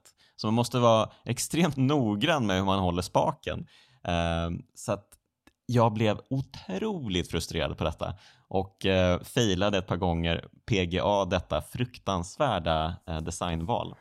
Ja, jag vet inte hade man kunnat lösa det på något annat sätt dock? Original Nintendo 64-kontrollen, den har ju sex knappar på ovansidan. A, B mm. och de fyra C-knapparna och sen tre knappar på baksidan. Eh, mm. LR och Z. Mm. Och sen ett analog, en analog spark, en, ett styrkors. Så det man har mer på en switch det är väl att man har fyra axelknappar istället för ja, mm. tre då med L, R och Z. Precis, man skulle kunna använda två axelknappar och sen eh, de andra då XY eller AB eller hur den liksom är på uh, de vanliga knapparna där. Ja. Så det, det, fan, det finns ju knappar att använda faktiskt. Uh, som är mer liksom uh, bättre lämpade för att bara klicka på för att använda ett föremål. Så att, jag vet inte, jag tyckte det var stendumt detta. Um, så jag, jag rekommenderar ingen att spela Zelda på på Switch Online. Man kan ju köpa en Nintendo 64-dosa till Switch, men det kanske är lite väl... Mm. Eh, kan man det? Okej. Okay. Lite väl mycket. Ja, då får man vara extremt nördig, men eh, det antar jag att det finns en del som lyssnar på det här också som är. Um, så vem vet. Men vi går vidare i handlingarna här.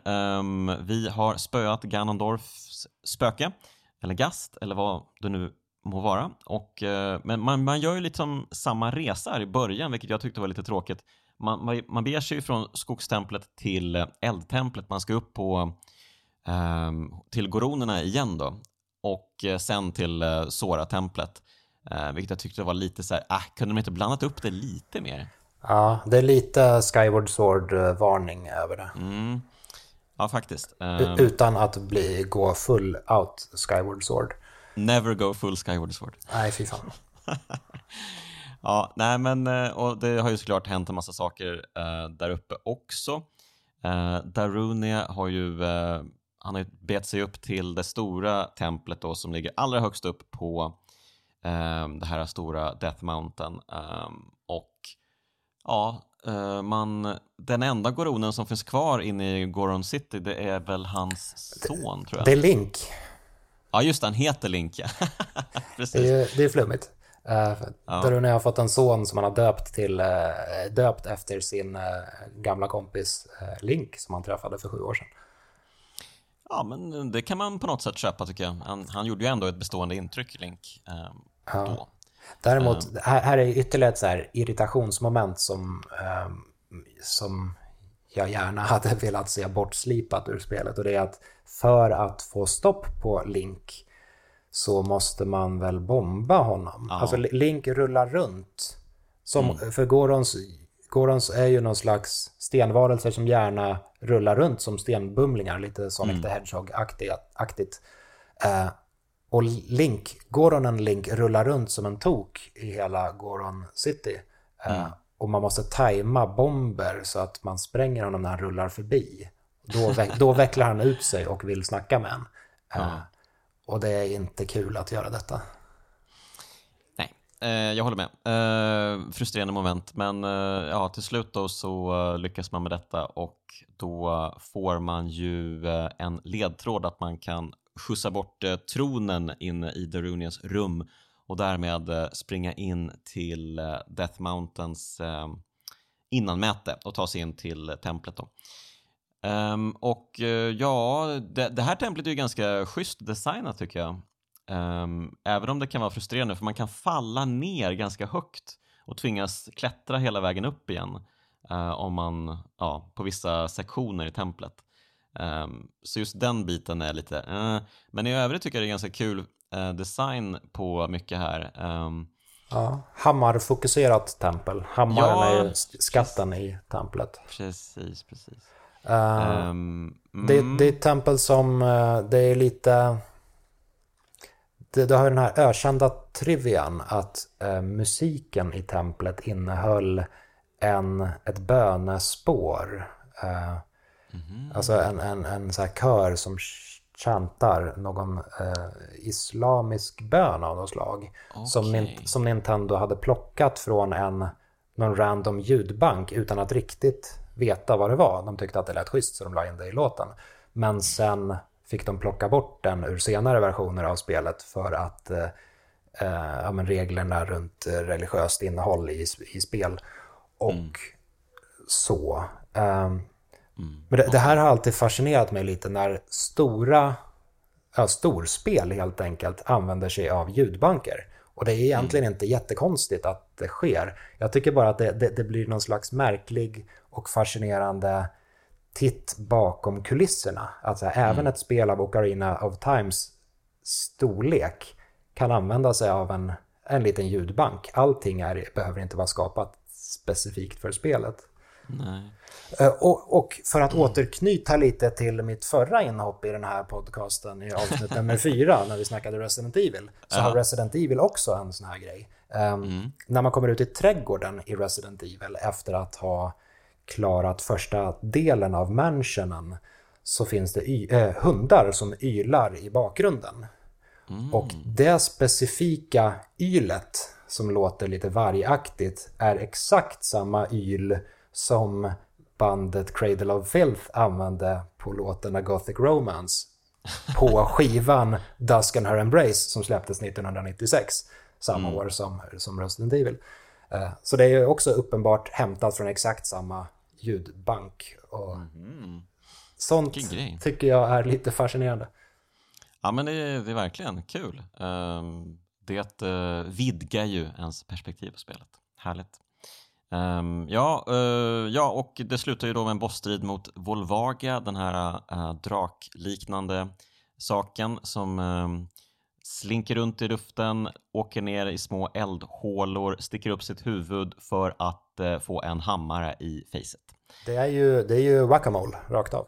Det är whack-a-mole rakt av. Ja, men det är kul alltså. De, de, de hittar ju många roliga eh, bossstrider i det här spelet, eller de har lyckats designa en del ja, märkliga strider som man inte riktigt sett någon annanstans. Nej. Um, och det, det, är en väldigt skön känsla i att wacka Volvaga med den här hammaren. Det, det känns mm. väldigt brutalt. För det är en stor och tung hammare som har en väldig massa bakom sig. Så bara ja.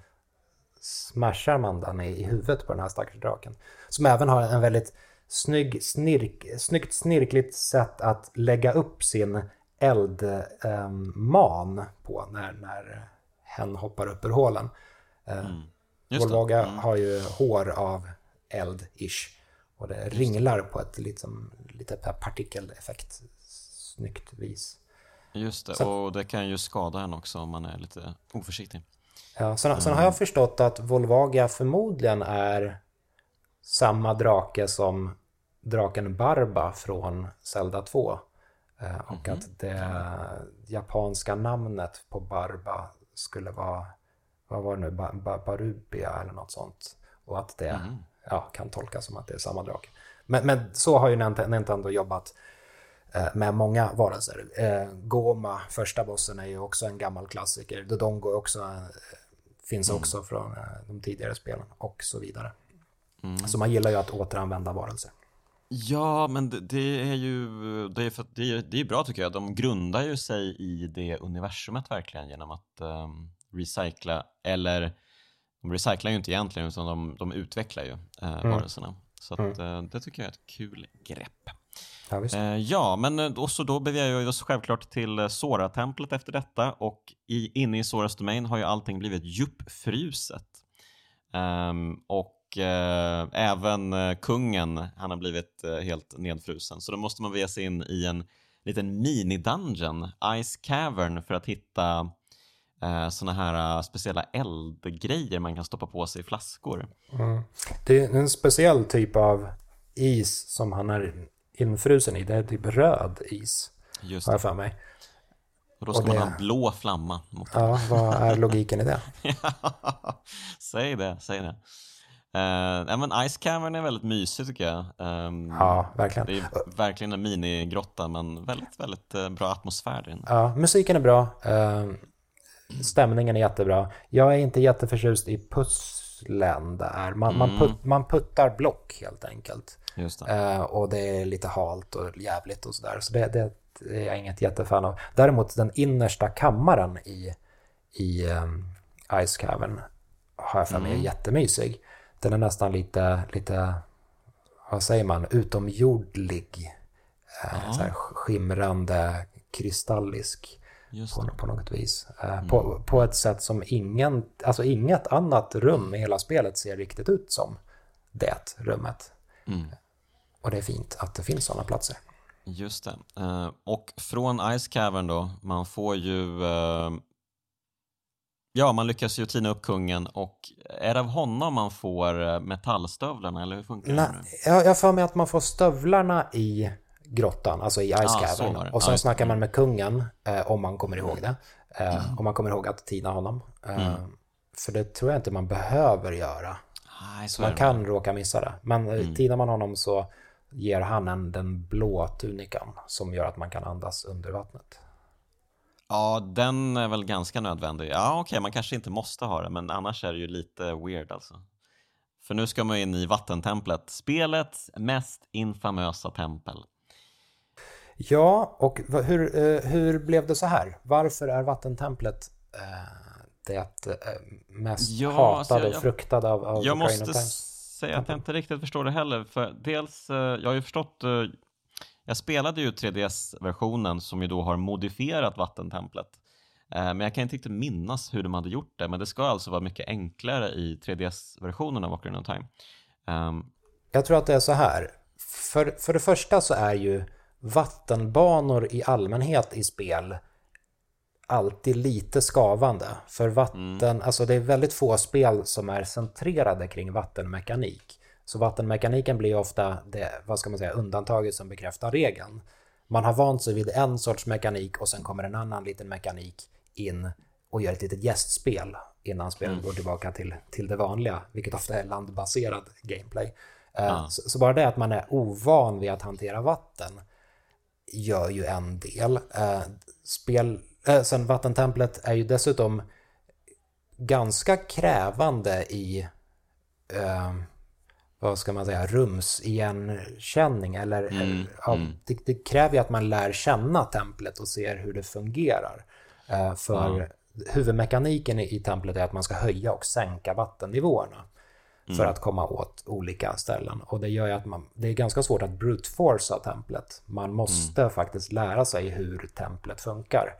Mm. Och för det tredje så, i alla fall i originalversionen så måste man in i menyn för att ta av mm. eller på sig de här järnskorna som gör att man kan det. gå på botten.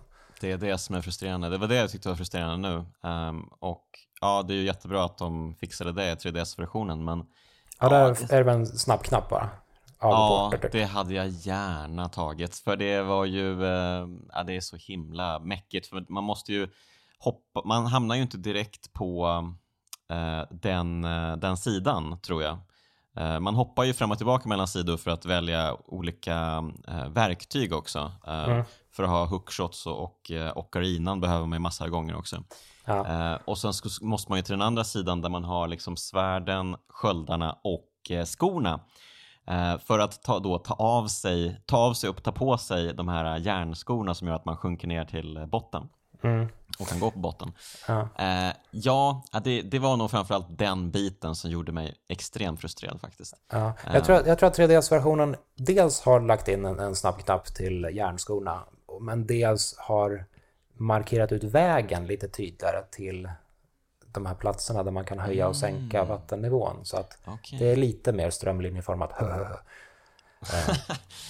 ja, en grej som också är svår, tror jag, um, jag märkte det nu, är att man i den här mittendelen... Ja, mitt, mittenpelaren, korkblocket, eller hur? Korkblocket, det är lätt att man missar den ja. detaljen. Att man ja. kan alltså, det finns ett korkblock och höjer man vattenytan när man är inne där så liksom, det följer ju med vattenytan uppåt. Och då är det inte alltid att man tänker på att kolla under korkblocket, att det finns liksom en sektion som man kan falla ner i precis där under. Ja. Jag, jag tror att det ärligt talat var korkblocket som, som jag körde fast mest på i vattentemplet. I mm. alla fall första gången jag körde det, liksom back in the days. För då, då var jag lite mer tolerant med att man skulle in i menyn och mik mikla med skorna. Jag, jag mm. hade nog inget större problem med det, för att liksom, jag hade inget annat att spela än Ocarina of Time då, så vad fan. Mm. Eh, däremot faktum att man, att man skulle in kork, eh, under korkblocket och hitta en nyckel där snappade ja. jag aldrig, aldrig upp. För när vattennivån höjs, då kan man ju även följa med upp. Ja. Eh, så det finns ju en tydlig väg uppåt. Eh, mm. Så jag gick runt och hade, saknade en nyckel och eh, tänkte, vad fan, det här är omöjligt. Allt var ja. fel. Jo, men jag gick ju på det nu också för jag, jag har ju så dåligt minne så jag minns inte den där grejen med korkblocket. Um, så att jag spenderade säkert en halvtimme, en timme med att irra runt och bara var är den sista nyckeln? Hallå? Uh, jag kunde inte komma in genom den sista dörren till, vad kallar man honom, Darklink eller Spegellink? Mm, den uh, förmodligen coolaste minibossen i hela spelet. Ja, men det här är ju verkligen ett ögonblick. Vattentemplet har ju så himla många fina moment egentligen. det är lite synd att det har blivit så unisont hatat. Dels den här fina, eh, du vet, trappan med plattformarna som går i ett vattenfall som man ska hookshotta sig upp på. Den sekvensen tycker jag är jättekul. Ehm, och sen så gör de mycket med att höja vattenytan i vissa rum också som de, ganska kul pussel liksom. Ja, alltså rent, eh, vad säger man, level designmässigt så är det ju ett smart designat tempel. Ja. Det är ju ett av de bättre templen på så sätt. Mm. Som tyvärr har solkats ner av järnskor och korkblock. Precis, men som du säger, den där boss, minibossfighten mi- mot sig själv är ju otrolig verkligen. Vilken ja. inramning framförallt det är. Man kommer in i det här rummet, där är liksom vatten på golvet så att man ser liksom spegelbilder av allting som finns i rummet. Rummet ser ut att vara gigantiskt stort, fast det är ju bara en illusion då. Ehm, och sen så finns det ett litet träd, tror jag, i mitten. Och så passerar man det mot dörren, men sen inser man, jaha, det är någon liksom, eh, dörren är eh, bommad, det går inte att komma in där, Vad ska, jag måste hitta någonting här inne, förstår man. Och så vänder man sig om och så ser man, va, det är en figur där borta vid trädet. Ja. Och det som är så, så coolt är att när man passerar över ön, då fastnar en spegelbild där. Så det är Ah. ens vattenreflektion som blir kvar på ön och Mm, vilken grej. separerar från den. Och så slåss man mot den. Och här, eh, ja, alltså det märks ju att själva just the swordplay i spelet kanske inte är det allra bästa som man har sett kanske. Ehm, det kan ju vara lite mäckigt att faktiskt få in slag på den här eh, minibossen. Ja, han har väl en extremt märklig kontermanöver har jag för mig. Om man stöter Mm. med svärdet så hoppar han upp och ställer sig på ens svärd. Eh, Precis. Det känns inte som korrekt fäktningsteknik, men eh, det är effektivt om man ska Ja, det är Link. kul. Och i början så gör han ju bara det, han ställer sig bara på svärdet och sen hoppar han av igen. Men mot slutet när han är på väg att dö, då slår han ju till den också. Så att eh, den eh, får också en sorts evolution, det här eh, draget han kan göra. Men så att, nej men det bästa man kan egentligen göra mot den här, det är bara pumpa på med slag som en galning. Så kan man kisa den här killen. Ehm, Det är en av få saker jag faktiskt mindes från eh, min, mina förra spelsessioner. Och det är- att man ska vara extremt aggressiv här. Det är ju lite också, om man vill dra parallell, paralleller bakåt i, i serien så fanns ju en Links skugga var ju slutbossen i Zelda 2. Och det absolut bästa sättet att hantera Links skugga i Zelda 2 det är att sätta sig i vänsterhörnet, ducka och hugga eh, konstant. Okej. För det, det förvirrar AIn så pass mycket så att eh, ja, han kommer ju gå in och bli hugg, huggen i knäskålarna om och om igen tills man har klarat spelet. Mm. Ja men eh, fan, vattentemplet, det har mycket goda grejer och sen Även, även bossen, alltså Bo- huvudbossen. Bossen har något absolut också, jag tänkte på det. Eh, Jag vet inte exakt vad den heter, jag kallar den för bassäng-Romeo eftersom det, det är Bassäng typ Romeo, ja. bassäng-Romeo för det är en bassäng, eh, det är en vattenbassäng som är bossen egentligen. Jo. Eh, och så är det en liten hjärna typ som eh, studsar runt i olika eh, ytor och så som den kan forma liksom. Ja, det är en liten så här... eh, James Camerons The, The Abyss möter en liten uh, köttknöl, typ. Precis. Så det, Ja, den, den- lilla, den lilla köttknölen kontrollerar vattnet i bassängen och kan skapa tentakler av, av vatten. Yes. Och så ska man använda hakskottet för att eh, norpa hjärnan och eh, bulta på den. Ja. Eh, mm. Första gången jag körde Ocarina of Time så kommer jag ihåg att jag, jag reagerade när jag mötte den här bossen. ehm, och blev så imponerad över hur snyggt det var. Eh, det, det är ju kanske inte jättesnyggt med dagens mått mätt, men bara så här de genomskinliga vatteneffekterna som används här tyckte jag var väldigt, väldigt coola. Och det här har sen återkommit lite då och då under, under min personliga spelhistoria att jag har gått och sett fram emot bossstrider för att bossstriderna har blivit någon slags grafiskt spektakel på något sätt. Alltså, Mm. Det är nästan höjdpunkten att eh, klara ett tempel, att, att, att få slåss mot bossen för att se vad, ja, i det här fallet Nintendo hittar på härnäst. Jag, jag fick samma vibbar av sandbossen i, vad kan, det kan ha varit Skyward Sword faktiskt, som, som hade lite så här fysik som jag tyckte var cool. Jaha, okej. Okay. Mm, okay. mm. Ja, men eh, vi kommer ju till en typ av sandboss här också, men eh, jag tror att alltså man kan ju välja att göra de här lite i oordning, tror jag, de två sista templen. Man måste ju hitta, först och främst måste man hitta den här Lens of Truth som finns i Kakariko Village. Ja. Och då ska man ju spela, eh, ja man ska ju hitta den här positivspelaren inne i, eh, eh vad kallar man det? Ehm, ja, men väderkvarnen? Typ, väderkvarnen, precis, tack. Um, och han är ju otroligt rolig och han är otroligt arg. han är extremt arg och står och vevar. Mm. För, och det här är ju helt ologiskt egentligen. Men han är då det, det är arg en paradox. för att det är en paradox som heter, som heter duga som um, Tillbaka till framtiden gärna hade bollat med typ. Men, så det är alltså, man kommer in här som vuxen, man har aldrig träffat, eller jag träffade inte honom när jag var ung i alla fall. Första gången jag träffade honom här. Eh, och han bara, du jag träffade en snorunge eh, för sju år sedan som eh, spelade den här skitlåten för mig. Åh, den förstörde allt här inne. Lyssna på den här skiten. Och så spelar han upp den här Storm, eh, Song of Storms. Och sen så lär man sig den och sen så, aha, okej. Okay. Så då ska man alltså åka tillbaka i tiden och eh, göra det här momentet som han just berättade för en. Men det är, funkar ju inte alls, hur ska det gå till? Oh. ja, det blir en eh, höna och ägget situation det hela. Fast mm. eh, skit, eh, skitungen och surgubben istället. Yes. Eh, men det är en kul sekvens oavsett om man helt bara släpper alla krav på logik så är det väldigt kul. Ja, just. Um, uh, det ska ju sägas också, den var du inne och snuddade på, att de två sista templen, Shadow Temple och Spirit Temple, mm. går att ta i vilken ordning man vill. Mm. Och det känns även som att Förmodligen så har det här skiftat under spelets utveckling, vilket som skulle komma först. För spelet är mm. inte helt tydligt med vilket som faktiskt kommer först.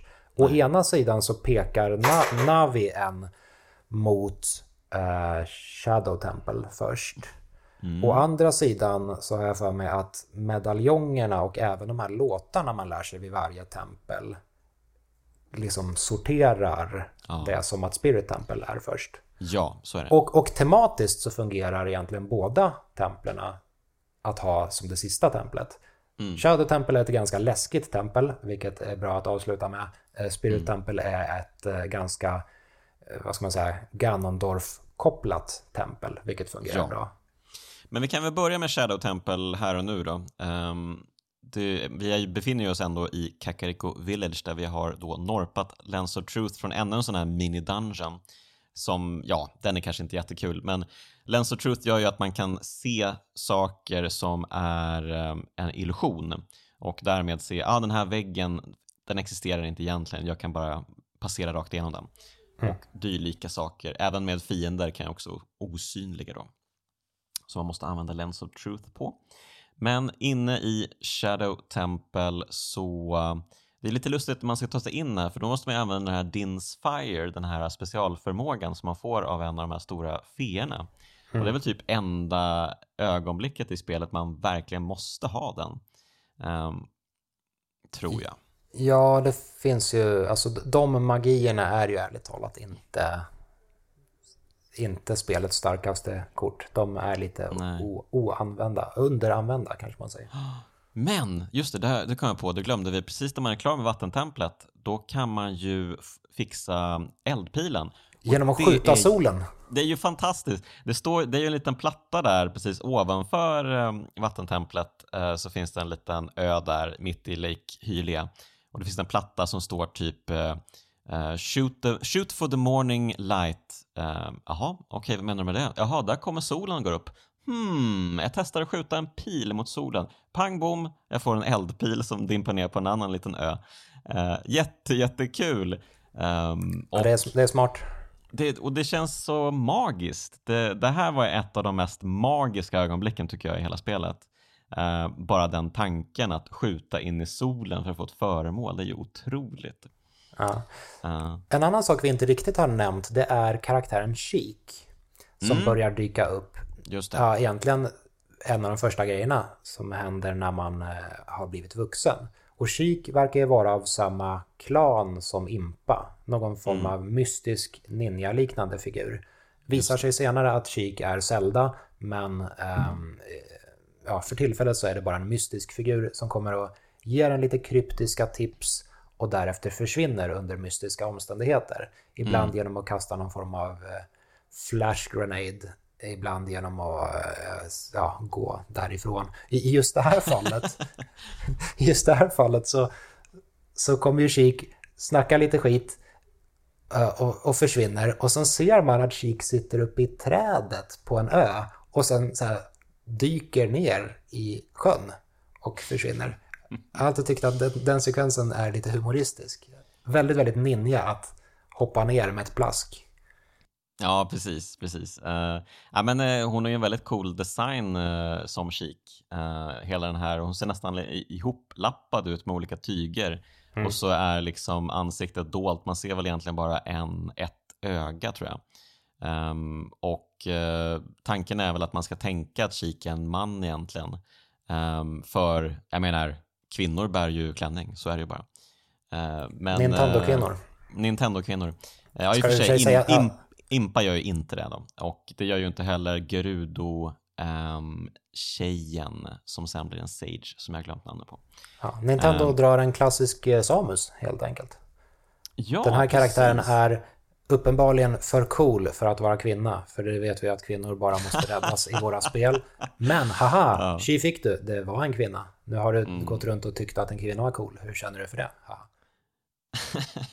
ja, men eh, då är frågan då, insåg du att Chic var Zelda direkt eller tog det ett tag? Eh, det tog nog ett tag. Jag, jag har inte för mig att det finns någonting som indikerar att Chic skulle vara Zelda. Nej. Annat än då att eh, Zelda försvinner ur historien. Mm. Ja, det är sant. Man, man, man är ju lite så här, vart tog hon vägen egentligen? Uh, men uh, ja. Men, uh, och Chic är ju väldigt, väldigt poetisk Chic Zelda eh, pratar ju väldigt poetiskt och härligt om allting. Mm. Och har en eh, liten harpa. Och har en liten harpa som hon lär ut sånger med. Ja. Ja. Oh, på, på tal om sånger, jag, eh, jag har alltid älskat faktumet att en av de Um, ja, det är väl en, eh, vad säger man, en valfri sång, en sång man inte behöver lära sig, vad jag minns i alla fall, är ju Suns sång. Just det. det är mm. sången man kan använda för att ändra tiden på dygnet.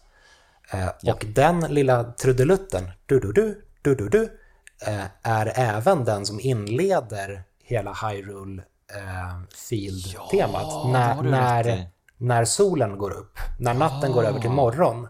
Så det är, mm. ett, det är liksom ett morgontema. Ett, eh, Fantastiskt. Ja, bara, bara att man återanvänder de tre noterna. Du, du, du. Mm. Det, och den, den, hittar man ju i kyrkogården, den sången. Man ska in i en grav och eh, ta sig förbi några utmaningar. Ja. Eh, så att, eh, ja men kul. Det finns några sådana liksom små hemligheter att hitta ja. i spelet oh, som kanske inte gör jättemycket. Ja. En sak till bara på temat sånger. Det finns även en annan sång som heter Scarecrows sång. Som också är en sån här eh, frivillig sång. Det, det är en sång som man får designa själv. Mm.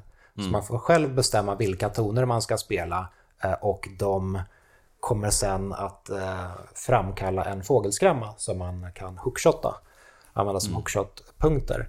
Eh, mm. Och när jag spelade igenom spelet för första gången, då la jag in ja, hjälpligt tonerna till en låt som, som vi hade skrivit med, med vårt band. Okay. Och sen tänkte jag inte så jättemycket mer på det. Men sen efter att spelet är klart och eftertexten har scrollat och allting är avklarat så dröjer det ett tag. Och sen om man väntar tillräckligt länge på så här the end-skärmen så spelas Scarecrow Song eh, automatiskt mm. som ett litet Easter egg. Och det jag då hörde, det var ju att spelet plötsligt började ocarina-vissla en låt med mitt band. Så det blev jätteförvirrande. Kommer du ihåg vad du eh, alltså jag, skrev som Scarecrow? Jag ska, jag ska vilja säga att jag först inte fattade att den här Scarecrow-låten eh, kunde användas på det där sättet. Um, så det, det, tog ganska lång tid för mig. Jag läste det säkert i GameFAQsen eller någonting. Uh, bara, Jaha, okej. Okay. Och sen så eh, jag tänkte väl mest, jag måste komma på någonting som jag minns, så då blev det typ eh, Konami-koden eller något dylikt så här, typ att man går ett, rund, ett varv på piltangenterna liksom. Eh, och eh, lite andra knappar. Också. Tonsatte Konami-koden? Ja, men typ kan man säga. Mm. Ja, det, Så det, det, det, var ju passande på något sätt, för det är ju ett, ett litet cheat är ju faktiskt att använda Scarecrow och få lite goa föremål i templen bland annat. Ja. Vi har inte snackat så mycket om, om Ocarina nu överhuvudtaget, men Mm. spelet är ju... Det är inte det första med musikinstrument, första Zelda-spelet med musikinstrument, men det är det första där man kan så att säga jamma på instrumenten och spela olika toner. Eh, och det är ju ganska begränsat. Man har fyra toner, men man kan å andra sidan eh, böja tonerna också och därmed skapa egna toner genom att eh, vicka på analogspaken och även, vad, vad säger man, köra på något vibrato på tonerna. Waila med Okej. Ocarina. Okej, vad kul. Ja, men eh, ja, väldigt, väldigt smart. Ehm, ett väldigt eh, dynamiskt verktyg verkligen. Ehm, Ja. ja. jag antar att det finns säkert massvis med YouTube-videos där folk eh, kör riktiga låtar med Ocarina och allting sånt. Liksom. Ja, visst. Ehm, ja, Var men kul. vi? Men eh, vi är vi är- i, i skuggtemplet då ehm, och det är massa um, illusioner och man åker, man åker båt i templet, eh, vilket ju är jättemärkligt. Ehm, Det är ju... det- Den sekvensen tycker jag är ganska cool ändå. Det är ju någon slags eh, eh, Karon eh, parallell som man kan dra här med färjekaren som tar den över till dödsriket. Eh, det är ju även... Båten fungerar ju som en slags hissnivå. Den, den klassiska hissnivån, eller hisssegmentet som många spel har, eh, det är ju båten här. Det är den motsvarigheten. En, ett hissegment i ett spel är ju ofta en man står i en hiss och så kommer en massa fiender och så åker man eh, uppåt eller neråt. Eh, I apropå fallet Resident Evil, en klassisk komponent i de spelen. Mm. Just det. Eh, men det, det, i övrigt så är det ju ett, det ett extremt linjärt tempel och även ett extremt mörkt och skräckfokuserat tempel. Eh, för att vara ett Zelda-spel så är det ju rent utav eh, nästan lite väl. Det är ju blod här och var och det är dödskallar och det är saker som går att tolka som antingen fällor eller rena tortyrredskap. Verkligen. Och, och sen så hamnar man då i en bossstrid som eh, framstår som ett skämt. Just det, den, den kulmen av detta eh, horribla, eh, mörka mardröm Mm. är en kille som heter Bongo Bongo. Han heter Bongo Bongo och eh, han, man är på en jättestor trumma typ och han slår med sina jättestora labbar till händer eh, så att man eh, liksom studsar upp och ner på trumman. Eh, och så, så ska man använda Lens of Truth för att hitta hans öga och skjuta pilar på det och eh, ja, sänka honom. Ja, det är inte en kul bossstrid. Det här är en, en, en av mina... Ja, det är nog förmodligen den jag tycker minst om i hela spelet tror jag. Mm. Eh, för, för just faktumet att han slår på trumman gör ju att man studsar. Och ja, grejen med templet för övrigt är att man hittar eh, skor, eh, vad heter de, hoverboots. Som gör att man kan sväva. Och har man dem på sig så studsar man ju inte lika mycket. Men nej, jag, jag, jag har gillat Bongo Bongo. Nej, vi eh, lägger Bongo Bongo till handlingarna och eh, hoppar över till eh, det här, vad heter det nu? Det heter inte Sandtemplet. Spirit Temple. Spirit Temple. Och då måste man ju först ta sig igenom Gerudo Village.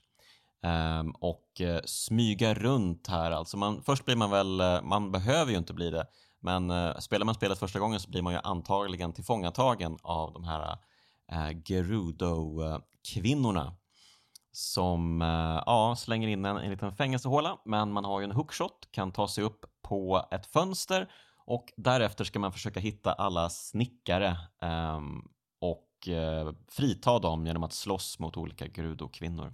Men framförallt så måste man ju smyga massa och det är, ja, det är lite si och så med hur kul det är att smyga i det här spelet och framförallt i den här sekvensen tycker jag. Det är inte jättekul att smyga. Nej. Och eh, Gerudo är ju, alltså kopplingen mellan Gerudo och eh, Ganondorf är att Ganondorf kommer från den här Gerudo-stammen, öken, Ja. ökenstammen. Eh, och han är en av ytterst få män där.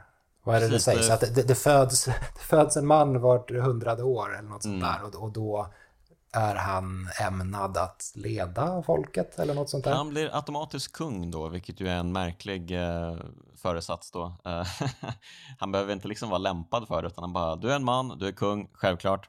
Har du penis, här har du en tron också. Kör Exakt, på. så att, eh, ja, och han är ju Eh, han är ju fruktansvärt ond, men jag tycker ändå en sju, skön backstory och de här, den här Gruddo-stammen är ju, de är ju tjuvar också. Det är det som är grejen med Ganon, han omtalas ju ofta som en tjuv. Att Mm. han stjäl the Triforce och sådär. Tjuv från öknen. Precis. Ehm, så, ja men en kul liten grej till hans backstory också. Ehm, Mm. Men eh, ja, man lyckas imponera på de här Grudo-kvinnorna som då till slut släpper ut den i öknen. Och då måste man ha Lens of Truth för att hitta ett spöke som kan leda en rätt här genom, genom eh, ökenpartiet så att man inte går vilse och kommer tillbaka till början helt enkelt. Mm. Eh, och sen då så kommer man till Spirit Temple som, ja men det är ett ganska kul tempel tycker jag. Ja, ett av, de, För- ett av de bättre. Ja, men det är ju dels då för att man faktiskt får spela det här templet både som eh, ung och vuxen. Eh, man måste ju eh, vara liten för att kunna ta sig in genom en liten, eh, ett utrymme då och eh, kunna ta sig in i en del av templet för att hitta ett föremål som man sen kan använda som vuxen. Ja, Mm. Egentligen ska man ju ge det här föremålet till den här eh, Grudo-kvinnan som jag aldrig kommer på vad hon heter. ehm, men det är ju då hon som är second in command till Ganondorf helt enkelt. Och eh, när man då kommer tillbaka, nej, just det, de tillfångatar ju henne när man hittat det här föremålet. De här häxorna dyker ju upp då. Just det. Ehm, Kot- Kotake och Koume. Mm. Och ja, och så kommer man tillbaka som vuxen. Eh, då har man de här silverhandskarna, kan knuffa lite tyngre föremål. Man kan ta sig längre in i det här ganska eh, skojiga templet med olika det är ju väl en väldigt fin stor staty i mitten av templet som man ska ta sig in i för att ta sig till bo- bossen. Mm. Ungefär som på Dodongos Cavern då. Men, och det är ju en jättekul bossstrid för då har man ju tillgång till spegelskölden och eh, kan eh, studsa eh, eld och isstrålar på de olika häxorna. Eh, och häxorna i sig, K- Kotake och Koume, är ju surrogatmödrar till Ganondorf. Eh, så där har man ju en, men en, en ganska tydlig koppling. Ju- Just det här med att om man tar Spirit Temple sist så, så blir det en snygg eh, liten övergång in i ja, slutfasen, slutstriden mot Ganondorf. För att nu har, vi, nu har man gjort upp med hans eh, mammor och då är det dags att hantera honom härnäst. Eh, Ja, och de, det är ju ganska brutalt egentligen, för när man är klar med dem så eh, dör de ju verkligen. De får ju glorior över huvudet och eh, skjuter upp mot ljuset i himlen. vilket i och för sig då indikerar att de får komma till himlen och inte hamnar i helvetet. ja, hur Så gick det det, något. till egentligen? Hmm. Alltid något. Och innan dess så smälter de ju även ihop till en och samma entitet. Och döper de sig själva till Twin Rova. Mm. Och blir, blir eh, ja, både eld och is i en och samma form. Ja, väldigt kul eh, bossstrid tycker jag och eh, ganska lätt tycker jag också. Man behöver inte göra så mycket förutom att hålla i skölden typ. och sen bulta lite när man har tillfälle. Ja, men Spirit Temple är, det, det, det är kul. Jag, jag har alltid tagit Spirit Temple innan Shadow Temple. Eh, Ah, okej. Jag, eh, i alla fall sen jag blev medveten om att man kunde ta dem i olika eh, ordning. För jag, jag, jag tycker att Spirit Temple är mycket skönare att köra. Shadow Temple tycker jag inte är speciellt roligt och Bongo Bongo är definitivt inte en rolig boss. Spirit Temple är, det, det är mysigt, det är mysig stämning. Eh, det, Spegelskölden, Mirror Shield är en bra skatt, bossen är kul. Eh, öknen är ett trevligare ställe än ja, hela Shadow Temple. Eh, sen tror jag även att det var någonstans i öknen, och det har egentligen inte med Spirit Temple att göra, det är bara min personliga upplevelse av, av att spela Ocarina of Time för första gången. Men det var i öknen som jag första gången på riktigt reflekterade över att Link kan sätta sina fötter i, i olika höjdled. Eh, Ah, vilket är en ganska cool grej för sin tid. Alltså om man står på en ojämn yta så lyfter Link lite mer på ena benet eh, för att parera ja, lutningen. Eh, och det, alltså så gör ju till exempel eh, Ja, nu för tiden gör alla spel det, men på den tiden så gjorde inte alla spel det. Jag tyckte det var coolt i alla fall. Mm. Och kopplar det undermedvetet till Spirit Temple. Mm. Ja, nej, men många fina detaljer sannerligen i det här spelet. Um, en annan är ju den här fina regnbågsbron som de här sex sages fixar till Ganons Castle. Um, ja, ja det, det, ska ju sägas då att när man är klar med Spirit Temple då, mm. då, då bör man ju vara... Alltså då, då avslöjas ju Chic eh, som Zelda. Det var, mm. aha, det var jag, eh, jag förklädde mig. Eh, men nu är vi alla eh, sju Sages, men då dyker Ganondorf upp och kidnappar Zelda för att eh, det är ett Nintendo-spel och Zelda är en prinsessa. Så. Ja, precis. Han har väntat på att hon ska eh, visa sig. Han eh, har inte lyckats lägga ihop ett och ett. att den här märkliga Shake eh, möjligtvis skulle kunna vara en förklädd Zelda. Men nu när hon visar sig i det öppna så eh, då är det partyläge för Ganondorf. Han plockar henne i en stor kristall och, eh, men han plockar inte Link i en stor kristall utan han säger ah, kom till mitt tempel, kom till, min, eh, kom till mitt slott och slåss mot mig typ. Vilket ju är eh, lite märkligt. Men men, eh, det är precis vad han gör. Han eh, fixar en regnbågsbro till Ganons Castle, springer in och sen ska man ehm, det är ju kanske inte det roligaste templet det här. Eh, man ska ju springa in i olika sektioner som tillhör de olika sagesarna ja. och använda sig av deras föremål eh, på olika, ja, lite halvknepiga pussel. Ja, det är olika, vad ska man säga, gauntlets med olika teman. Ett eldtema, ett istema, ett vindtema och så vidare. Eh, mm. Jag håller med, det är inte världens roliga, alltså är halvtråkig Dungeon som sådan. Um, mm. Och ett tag, om jag har förstått det rätt, ett tag under utvecklingen av spelet så medan man fortfarande experimenterade med vad man kunde och inte kunde göra på Nintendo 64 så man bland annat testade man att, att försöka göra spelet helt ur, tredje, eller ur första persons perspektiv. Det blev inte så bra. Men ett, ett, annat um, experiment man gjorde, eller jag tror det var en nödlösning nästan, var att om, om, om allt annat fallerar, då, då gör vi ett spel som utspelar sig uteslutande i Ganons slott.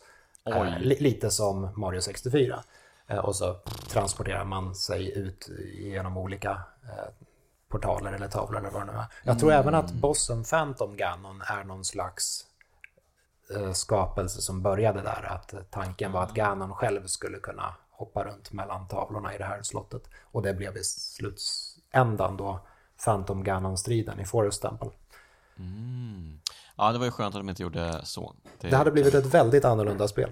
Kan vi konstatera. Eh, men, eh, men om templet är sådär så är ju bossstriden magnifik. Alltså framförallt inramningen det här när man Ja, det, eh, det börjar ju redan innan bossstriden när man börjar cirkulera ja. upp för de här trapporna. Ja, exakt, och, och så exakt. hör man orgel, orgelmusiken, det här klassiska Ganon-temat, Ganondorf-temat, eh, som blir starkare och starkare medan man slår sig upp för trapporna.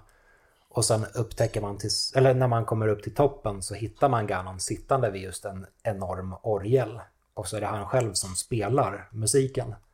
Mm. Och så bara avbryter han det tvärt när Link kommer in i kammaren. Ja men det är ju perfekt. Det är ju verkligen ett spel om musik det här. Till och med uh, skurken spelar ett instrument um, och självklart spelar han en orgel liksom. Mm. Uh, det mest mäktiga av instrument. Uh, så det är ju, det är ju perfekt, en perfekt helhet nästan. Mm. Att hjälten har en liten ocarina och att skurken har ett massivt jätteinstrument som han köttar loss på. Mm. Um, och ja, men det är ju verkligen en klassisk sekvens allting. Allt Ganondorf säger här är ju gåshudsframkallande nästan. Um, det är ju, och sen han uh, kastar loss sin slängkappa och uh, flyger upp i luften och börjar kasta de här uh, energikloten och man ska uh, skjuta tillbaka dem och ja men det, det är verkligen en fantastisk, fantastisk bossstrid. Ja, det är ju det finns en hel del att säga om den här bossstriden då. Alltså, till att börja med så är det ju Phantom Ganon-striden i Forest Temple är ju en uppvärmning som sagt. Eh, den, den, går ju ut på att man ska slå tillbaka eld eller energiklot. eh, på samma sätt som mot Phantom Ganon. Fast här har man lagt till eh, att man även ska skjuta ljuspilar på honom när han har blivit paralyserad. Det är en dramaturgiskt cool grej, bara en cool liten detalj, att Navi, eh, fen som man använder för att låsa på fienderna, normalt sett kan ge en tips om varelser. Men om man försöker få tips om Ganondorf så säger hon typ eh, Sorry, jag vet inget om Ganondorf. Jag kan inte hjälpa dig. Nej, hon kan ju inte ens låsa fast eh, siktet på honom. För han har ju Waves of Darkness som Just hindrar det, så det. Så att eh, då måste man ju styra upp Link eh, själv helt enkelt så att han hamnar i position och kan eh, skjuta tillbaka energikloten. Eh, också en kul detalj tycker jag. Men eh, så att eh, det beror ju på här. Eh, har man Master Sword så tar det ju en stund eh, att, ehm, att slakta Ganondorf. Har man Bigorons Sword, det här questen för att hitta det här supersvärdet, så går det ju desto snabbare, för det är ju ett ganska mäktigt svärd. Och har man ingen magi så är det omöjligt. Då, Ja, men det, blir man det är en liksom sån hardlockad. du- det är så dumt design. Man, I så fall borde de, för det finns ju en liten, en liten eh, utrymme nedanför bossarenan som man kan hamna i. Där det finns massa eh, såna här eh, krukor med grejer i. Men om man har plockat de krukorna innan, för man kommer ju in i det här utrymmet innan man kommer upp där uppe. Och då kanske man ser alla krukor och tänker all right, jag plockar på mig lite. Men då har man ju om inte gjort för sig själv sen när man får slut på energi för man måste ju skjuta ljuspilar på Ganondorf hela tiden. Mm. Eh, så att just den här designen eh, inte helt klockren verkligen.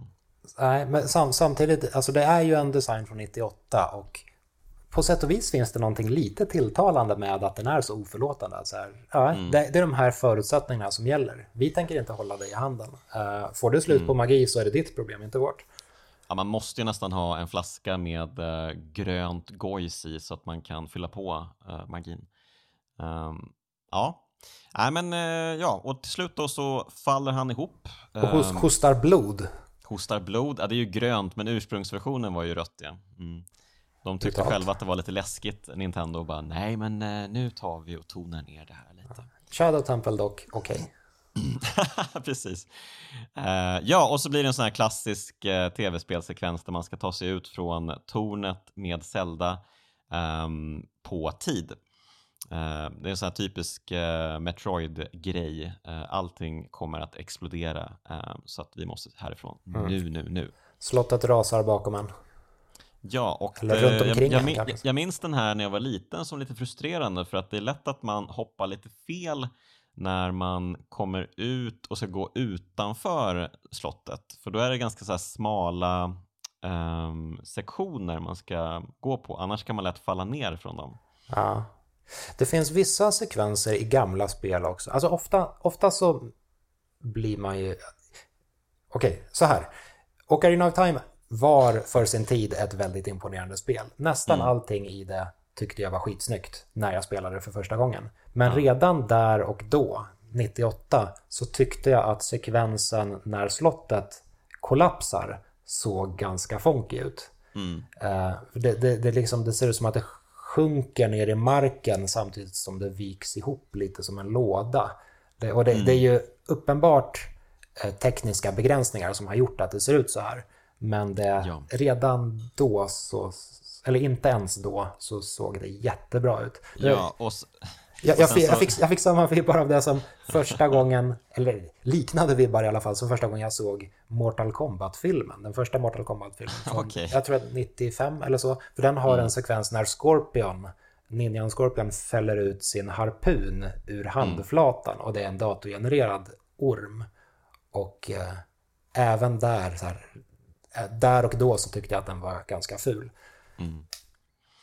Ja, nej men och sen så den ingången till Ganons eh, Castle, där exploderar det ut legobitar så att det, det ser väldigt eh, cheesy ut. Men eh, det blir ju då en, en fin arena då, en slutbossarena när då Ganondorf förvandlar sig till Ganon. Och det här, och- och det- galtliknande sak. Ja, och det här är, det är så, så snyggt gjort också att samtliga bossar i spelet har ju en undertitel. Att så här, Ganondorf, Great King of Evil, eh, Goma, eh, Great Spider of Funkiness, eller vad den nu heter. Ja, ja. Eh, Mm. Ganon däremot, heter bara Ganon, versaler, bam. Så här, in, in, ingen mer förklaring. Ja, det här är Ganon. Jag, det är lustigt, för jag får gåshud av båda. Jag får gåshud av Ganondorf, Great King of Evil. Det är verkligen så här superöverdrivet bara. Han är inte bara evil, han är inte bara en king of evil, han är en great king of evil. Åh oh, herregud. Ja. Och sen och, så bara... Hur, hur, to hur, toppar man det? Jo, ja, man Ganon. toppar det med Fem bara Ganon. Exakt, ja. det är så jävla... Jag får gåshud varje gång jag ser det bara. Ganon! Ah! Okej. Okay. Shit, nu brakar det loss här. Um, och det är ju en... Um, ja, men det är också en ganska kul fight med eldpilar i trynet på honom. Man ska slå till på hans um, svans. Mästersvärdet har ju hamnat hos Zelda som är bortom den här eldbarriären och så måste man bulta loss på honom så att den öppnar sig så man kan springa och hämta svärdet tillbaka, bulta på honom igen och sen till slut då stoppa in svärdet i skallen på honom. Vilket också är ganska brutalt. Ja, det, det, gjorde de ju om sen i Wind Waker, men då förvandlades han ju till sten. Mm. Är det, det, är en, det är väldigt snyggt inramad strid. Det är fantastisk musik, det är en fantastisk arena där med elden runt omkring. Mm. Ganon-designen är cool, med en mm. stor tvåbent grisdemon med två enorma svärd. Eh, faktumet att man förlorar Master Sword, en av de första grejerna som händer för att Ganon slår bort det, eh, är jättecoolt. Sen rent spelmekaniskt så är ju striden kanske inte den... Alltså Ganon, har in, Ganon är inte den vassaste kniven i besticklådan om man säger så. Nej. Allt man behöver göra är att eh, liksom, klämma in sig mellan hans ben och eh, komma ut på ryggen istället. Och så mm. har han ingen möjlighet att attackera en. Mm. Eh, men det är, en, det är en cool och värdig final. Verkligen. Uh, ja, och sen uh, så um, skickar ju Zelda tillbaka Link i tiden för att han ska ta tillbaka den tid han förlorat, tycker hon. Mm. Det är lite så här vemodigt bitterljud slut på något sätt. Att, ja. Man vill ju gärna stanna kvar i vuxen ålder för det, det vuxna ja. Link är den coola Link. Mm. Verkligen, men han har ju då en sjuåring sinne, det får man väl komma ihåg. Um, så att det kanske inte hade varit så, kanske inte så gått så bra för honom. Um, men, men å andra sidan så är det ju lite ologiskt ändå. För om man skickar tillbaka Link i tiden, jag menar vadå, då är ju Ganondorf fortfarande på fri fot. det är liksom det här med att han blir sealed i the sacred realm, det liksom överstiger tid och rum på något sätt. Um, så att, ja, lite märkligt kan jag tycka att det är. Men uh, nåja, vi får väl köpa det, den lilla uh, tidslogiska vurpan också då. Ja, och ehm. Ganon ligger och är inspärrad och arg i ett uh, vitt vakuum och mm. svär att han ska hämnas på Links och Zeldas uh, ättlingar någon gång i framtiden. Vilket han också gör. Det är ju spännande att de ändå länkar ihop uh, eh, Ocarina of Time med Wind Waker sen. En man av sitt ord. Ja, att det är samma Ganondorf, det är jättekul. Um, men uh, ja, det tar ju slut här då och det är ju, jag, ty- jag fick verkligen feels när Navi lämnar Link helt mm. plötsligt. Det... Hon, hon, drar, Link sätter tillbaka mästersvärdet och går därifrån. Ja, men hon säger ju ingenting. Hon bara um, dansar upp mot ljuset uh, och sen så försvinner hon. En lustig detalj här är att när Navi drar och Link sätter tillbaka mästarsvärdet i stenen eh, och går därifrån så spelas, eller så hör man tydligt eh, klockor i mm. musiken som eh, bångar, vad säger man, klingar, mm. dundrar. Eh, och man kan ju se det som en efterkonstruktion, men det, det fungerar ganska bra som en brygga över till Majoras Mask sen som mm. ju har ett klocktorn i centrum med, med det här ljudet. Och mm. Navi är försvunnen i, i um, Majoras Mask och sådär. Jag vet inte om hur mycket Majoras Mask var planerat eller rent utav um, producerat när Ocarina of Time färdigställdes. För Majoras Mask skapades ju under ett år. Det var ett väldigt snabbt projekt och det byggde på samma spelmotor. Så där. Poängen var att få ut ett en, en uppföljare snabbt. Mm. Eh, så kanske så fanns ändå delar av Majoras Mask när Ocarina-slutet eh, färdigställdes. Mm. Mm. Eller så kan ja. man se det som en efterkonstruktion, att haha, klockor. Ja, nej, men eh, kul att, de att det liksom länkas samman, även om det är om, omedvetet eller medvetet, eh, så är det ändå kul att det finns broar som byggs till andra Zelda-spel här. Mm. Eh, men ja, och där tar det slut och eh, man har mycket känslor i kroppen när eh, unge Link står och tittar på unga Zelda och eh, bilden blir så här sepia-tonad ehm, och eh, man får en The End-skylt rakt i ansiktet. Ehm, ja, hur kändes, det, hur kändes det för dig när, när första gången du spelade? Jo, alltså det är en väldigt fin slutsekvens överlag. Låten är, eh, musiken är som vanligt eh, jättemysig och vacker och sådär. Eh, redan lite tidigare i slutsekvenserna så finns det en väldigt fin sekvens också när eh, Kokiri-pojken Mido och eh, Sora-kungen, ja, Sora heter han mm. väl, King Sora, eh, sitter och deppar tillsammans. Det, det är ett, ja. en allmän fest när spelets alla karaktärer firar att, eh, att eh, jag vet inte exakt vad de firar egentligen. Om, om det framgår att Ganon har besegrats eller eh, ja. ja. Nej, det är lite märkligt faktiskt. Det är en de, del ologiska saker här. Ja, men de, de, de firar att, att vi har nått eftertexterna i alla fall. Ja. Eh, och, och har startat eldar i, i regnbågens alla färger och dansar och, och tjoar. Men mm. Mido och Sora sitter och deppar för att Saria och Ruto är försvunna. Mm. De har ju förlorat sina, ja, sin dotter respektive sin eh, bästa vän. Eh, och så sitter de deppar tillsammans men sen tittar de upp och då flyger eh, de här ljusen över himlen. Så vilket är då mm. Sage-ljusen. Däribland då Ruto och Saria. Ja, och det är ju lite vemodigt egentligen. Jag menar, eh, även för Link då som ju har träffat alla de här och blivit lite, lite kompis med dem att eh, de har blivit eh, så här ouppnåeliga sages som egentligen inte de kan inte vistas, verkar det som, eh, med den övriga världen eller vistas i den övriga världen. Um, vilket ju då har gjort Mido och kung Sora lite deppiga då, för att de kanske inte får träffa sina vänner igen. Mm. Um, och ja, men det, det, finns ju mycket sådana känslor i spelet ändå, uh, så här vemodskänslor som inte är så Alltså det, de, de, det är inte lika uppenbart i det här spelet tycker jag som i senare Zelda-spel för då spelar man ju verkligen rejält på de strängarna att det ska vara lite sorgligt många gånger. Mm. Här är det lite mera, ligger lite mer under ytan kanske. Um, att uh, ja, men eh, det, det finns, jag, det, jag, känner något i kroppen här, jag vet inte riktigt vad det är men det påverkar mig det här spelet på något sätt som jag inte riktigt kan sätta fingret på. Mm. Och det gillar jag verkligen med Ocarina of Time det har en stämning. Mm, verkligen. Det, det, har en atmosfär. Men eh, vad, vad, tycker du? Vad, vad, är det som gör Ocarina of Time till kraftspel? Varför är det ett av eh, tidernas bästa spel? Uh, ja, alltså... Ska man vara krass, eller så här kall och konkret så är Ocarina of Time fortfarande än idag spelet med högst Metacritic-snitt någonsin. Det, det, är ett spel som har 99 i snittbetyg. Det har inget mm. annat spel. Uh, jag har, ser här att de, spel, de tre spelen som ligger under det är Tony Hawks Pro Skater 2, Grand Theft Auto 4 och Soul Calibur som alla har 98 mm. i snitt. Men inget annat spel har 99 i Metacritic-snitt.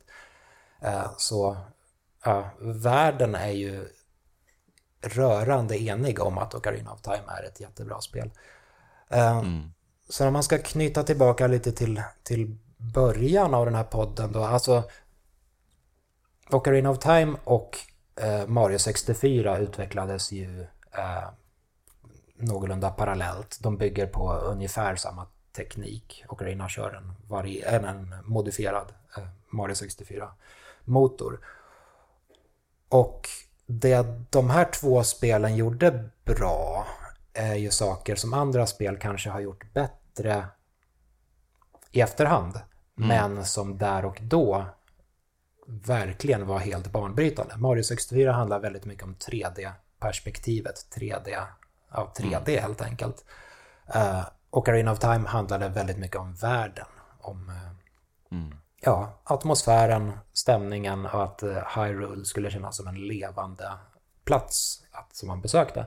Mm. Uh, nu för tiden så är ju 3D-spel standard och det finns betydligt bättre, eller spel som hanterar 3D mycket bättre än Mario 64. På samma sätt som det finns spel som hanterar öppna världar mycket bättre än Ocarina of Time.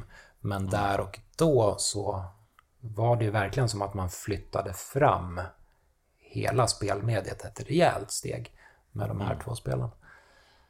Ja, jag skulle säga också att um, när jag, nu när jag spelat om det så var det ju dels då den här känslan, ehm, um, vemodskänslan uh, eh, som ändå liksom genomsyrade spelet som var väldigt uh, speciell. Och även att, um, det jag pratade om tidigare, att karaktärerna kändes så um, kanske, kanske inte verkliga, men de kändes väldigt tydliga och väldigt uh, um, mysiga och uh, speciella. Liksom.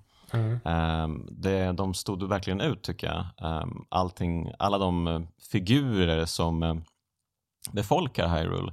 Um, det finns något där som är väldigt, uh, väldigt bra, väldigt mysigt, väldigt härligt. Det, det är liksom de som gör spelvärlden tycker jag. För att själva världen i sig är ju med dagens mått mätt ganska um, stel och tom. Jag menar Hyrule Field, det händer ju nästan ingenting där. Det är ju, man, det är bara en transportyta egentligen. Ja. Men, men uh, ja, när man kommer in i de små bosättningarna och de här städerna och uh, pratar lite med folk, uh, det är då det verkligen kommer till liv tycker jag. Mm. Och ja, som sagt, det, det, det, finns ju många spel som gör det Ocarina of Time gjorde mycket bättre idag. Alltså stridssystemet är ju inte jätte utvecklat Nej. med dagens mått mätt och eh, en del problemlösning är ganska otydlig och eh, vad ska man säga, digitalt eh, oförlåtande. Ett spel som Breath of the Wild har ju ofta flera lösningar på ett problem för att det har riktig fysik i, i sig. Eh, Ocarina of Time det kräver att man tacklar eh, problemen på ett specifikt sätt. Det är, alltså man måste spela enligt spelets regler helt enkelt. Mm. Eh, men det är ju absolut ett spel som fortfarande håller idag. Eh, om man mm. betänker att det är ett spel som är 24 år gammalt snart. Verkligen. Ja, nej men eh, det var, det var härligt att spela om spelet. Det, det, det lyckas fortfarande få gåshuden att, att flockas på mina armar. Det var, det var härligt. Mm. när jag spelade Ocarina of Time för första gången så var jag så pass inne i världen, just känslan av att det här är en riktig plats, att jag, ja, visserligen lite orealistiskt, men jag satt ändå på något sätt och, och hoppades på att tänk om Nintendo skulle skapa någon slags nöjesfält eller någonting som var uppbyggt som Hyrule i Ocarina of Time i 1-1-skala. Tänk, mm. om man, tänk om man skulle få eh, få besöka den här platsen på riktigt. För nu har jag lärt känna den här platsen. Nu, nu hittar jag i Hyrule. Mm. Vad häftigt det vore att, att se Hyrule på riktigt. Det har hittills ja. inte hänt. Nej, det kanske kommer. Vem vet? Super Nintendo World har vi ju trots allt. Just det. Coming men, eh, men, eh, ja, men eh, där tycker jag att vi stänger butiken på Zelda Ocarina of Time. Men innan vi då eh, avslutar det här avsnittet, Viktor, så finns det ju en liten cliffhanger som ligger och lurar här. Eh, vad var, det, vad var det egentligen du menade med det du skrev på Twitter?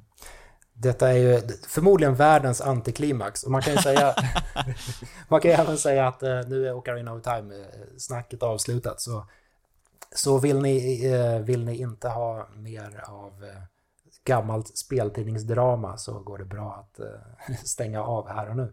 Mm. Jo, så här, lite bakgrundshistoria. Jag gästade podd M-Up podcasten mm. med Mikael Gill och eh, Jimmy Håkansson i avsnitt nummer 18 och fick då frågan om jag kände av någon slags rivalitet mellan dåvarande nya Superplay och Level slash Reset. Mm. Och då svarade jag att nej, det har jag inte varit med om. Eh, och sen gjorde ju du som sagt den här Superplay specialavsnittet av kraftspelen mm. nu i julas. Och då snackade du och eh, Johan, Martinsson. Johan Martinsson om, eh, om just det här att ni blev lite provocerade över att jag inte kände av det. Ja. och det fick mig i sin tur att ransaka mig själv och tänka tillbaka lite. Att fan, har jag inte känt av någon rivalitet ändå? Jo, det har jag fan ändå. Under ett mm. tillfälle. Eh, och det var under en pressresa under, ja, det, rimligtvis måste det ha varit under tiden då med, ja, då Superplay, nya Superplay och Reset slash Level eh, samexisterade. Så mellan 2005 och 2009. Mm. Och så eh, hamnade jag på en, en pressresa tillsammans med en, en, en ny superplayare. Mm. Eh, och vi, eh, vi kom bra överens och sådär. Eh, och um, spelade spelet och sen på vägen tillbaka till flygplatsen i taxin så, så snackade vi lite, jag kommer inte ihåg hur vi kom in på det, men jag fick kommentaren riktad till mig att Åh förresten, när ni går i konkurs så kan du väl komma och skriva för oss? uh, och jag tror ärligt talat att det här var ett, ett vänligt menat, en vänligt menad kommentar. Att det var lite inbjudande att så här, oroa dig inte, om det skulle gå illa så, uh, så, så är du välkommen mm. att, att skriva för Superplay igen. Men jag uh, tolkade ju det här som en, en ja, vad ska man säga?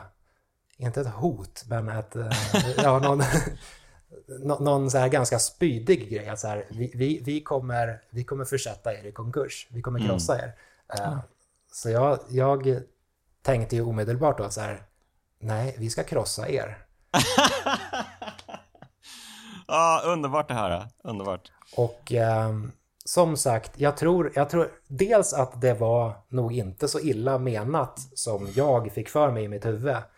Eh, och jag tror definitivt att personen i fråga har ja, inte tänkte på det här och, och, har glömt det här sedan många år tillbaka. Eller inte ens liksom snappade upp att, att det var en situation. Så det var mest en situation i mitt huvud. Men det var mm. ett, ett par mörka minuter där i taxin när jag tänkte att Superplay ska brännas till grunden. Åh, oh, vad underbart att höra. Um, ja, men vad fint. Det, det var allt jag behövde höra, Viktor. Um, ja, mycket trevligt. Uh, jag förstår att du inte vill outa vem som sa detta. Uh, jag tror inte att det var jag i alla fall. vi uh, men, låter det vara osagt. Vi låter det vara osagt. Vem vet, jag har sagt många konstiga saker. Det kan mycket väl vara jag.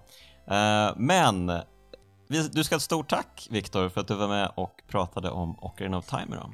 Tack så mycket. Kul att få snacka Ocarina of Time. Uh, så får vi väl se om, om jag fick välja Ocarina of Time själv mm. och jag blev tilldelad Resident Evil så kanske det jag blir tilldelad ett spel nästa gång.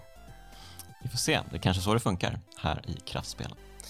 Ja, ett stort tack till Viktor Sjöström, ett stort tack till dig som lyssnat, ett stort tack till de finfina pojkarna i Bitpopbandet 047 som gör Kraftspelens signaturmelodi. Um, ja, och uh, hörni, vi hörs väl nästa vecka.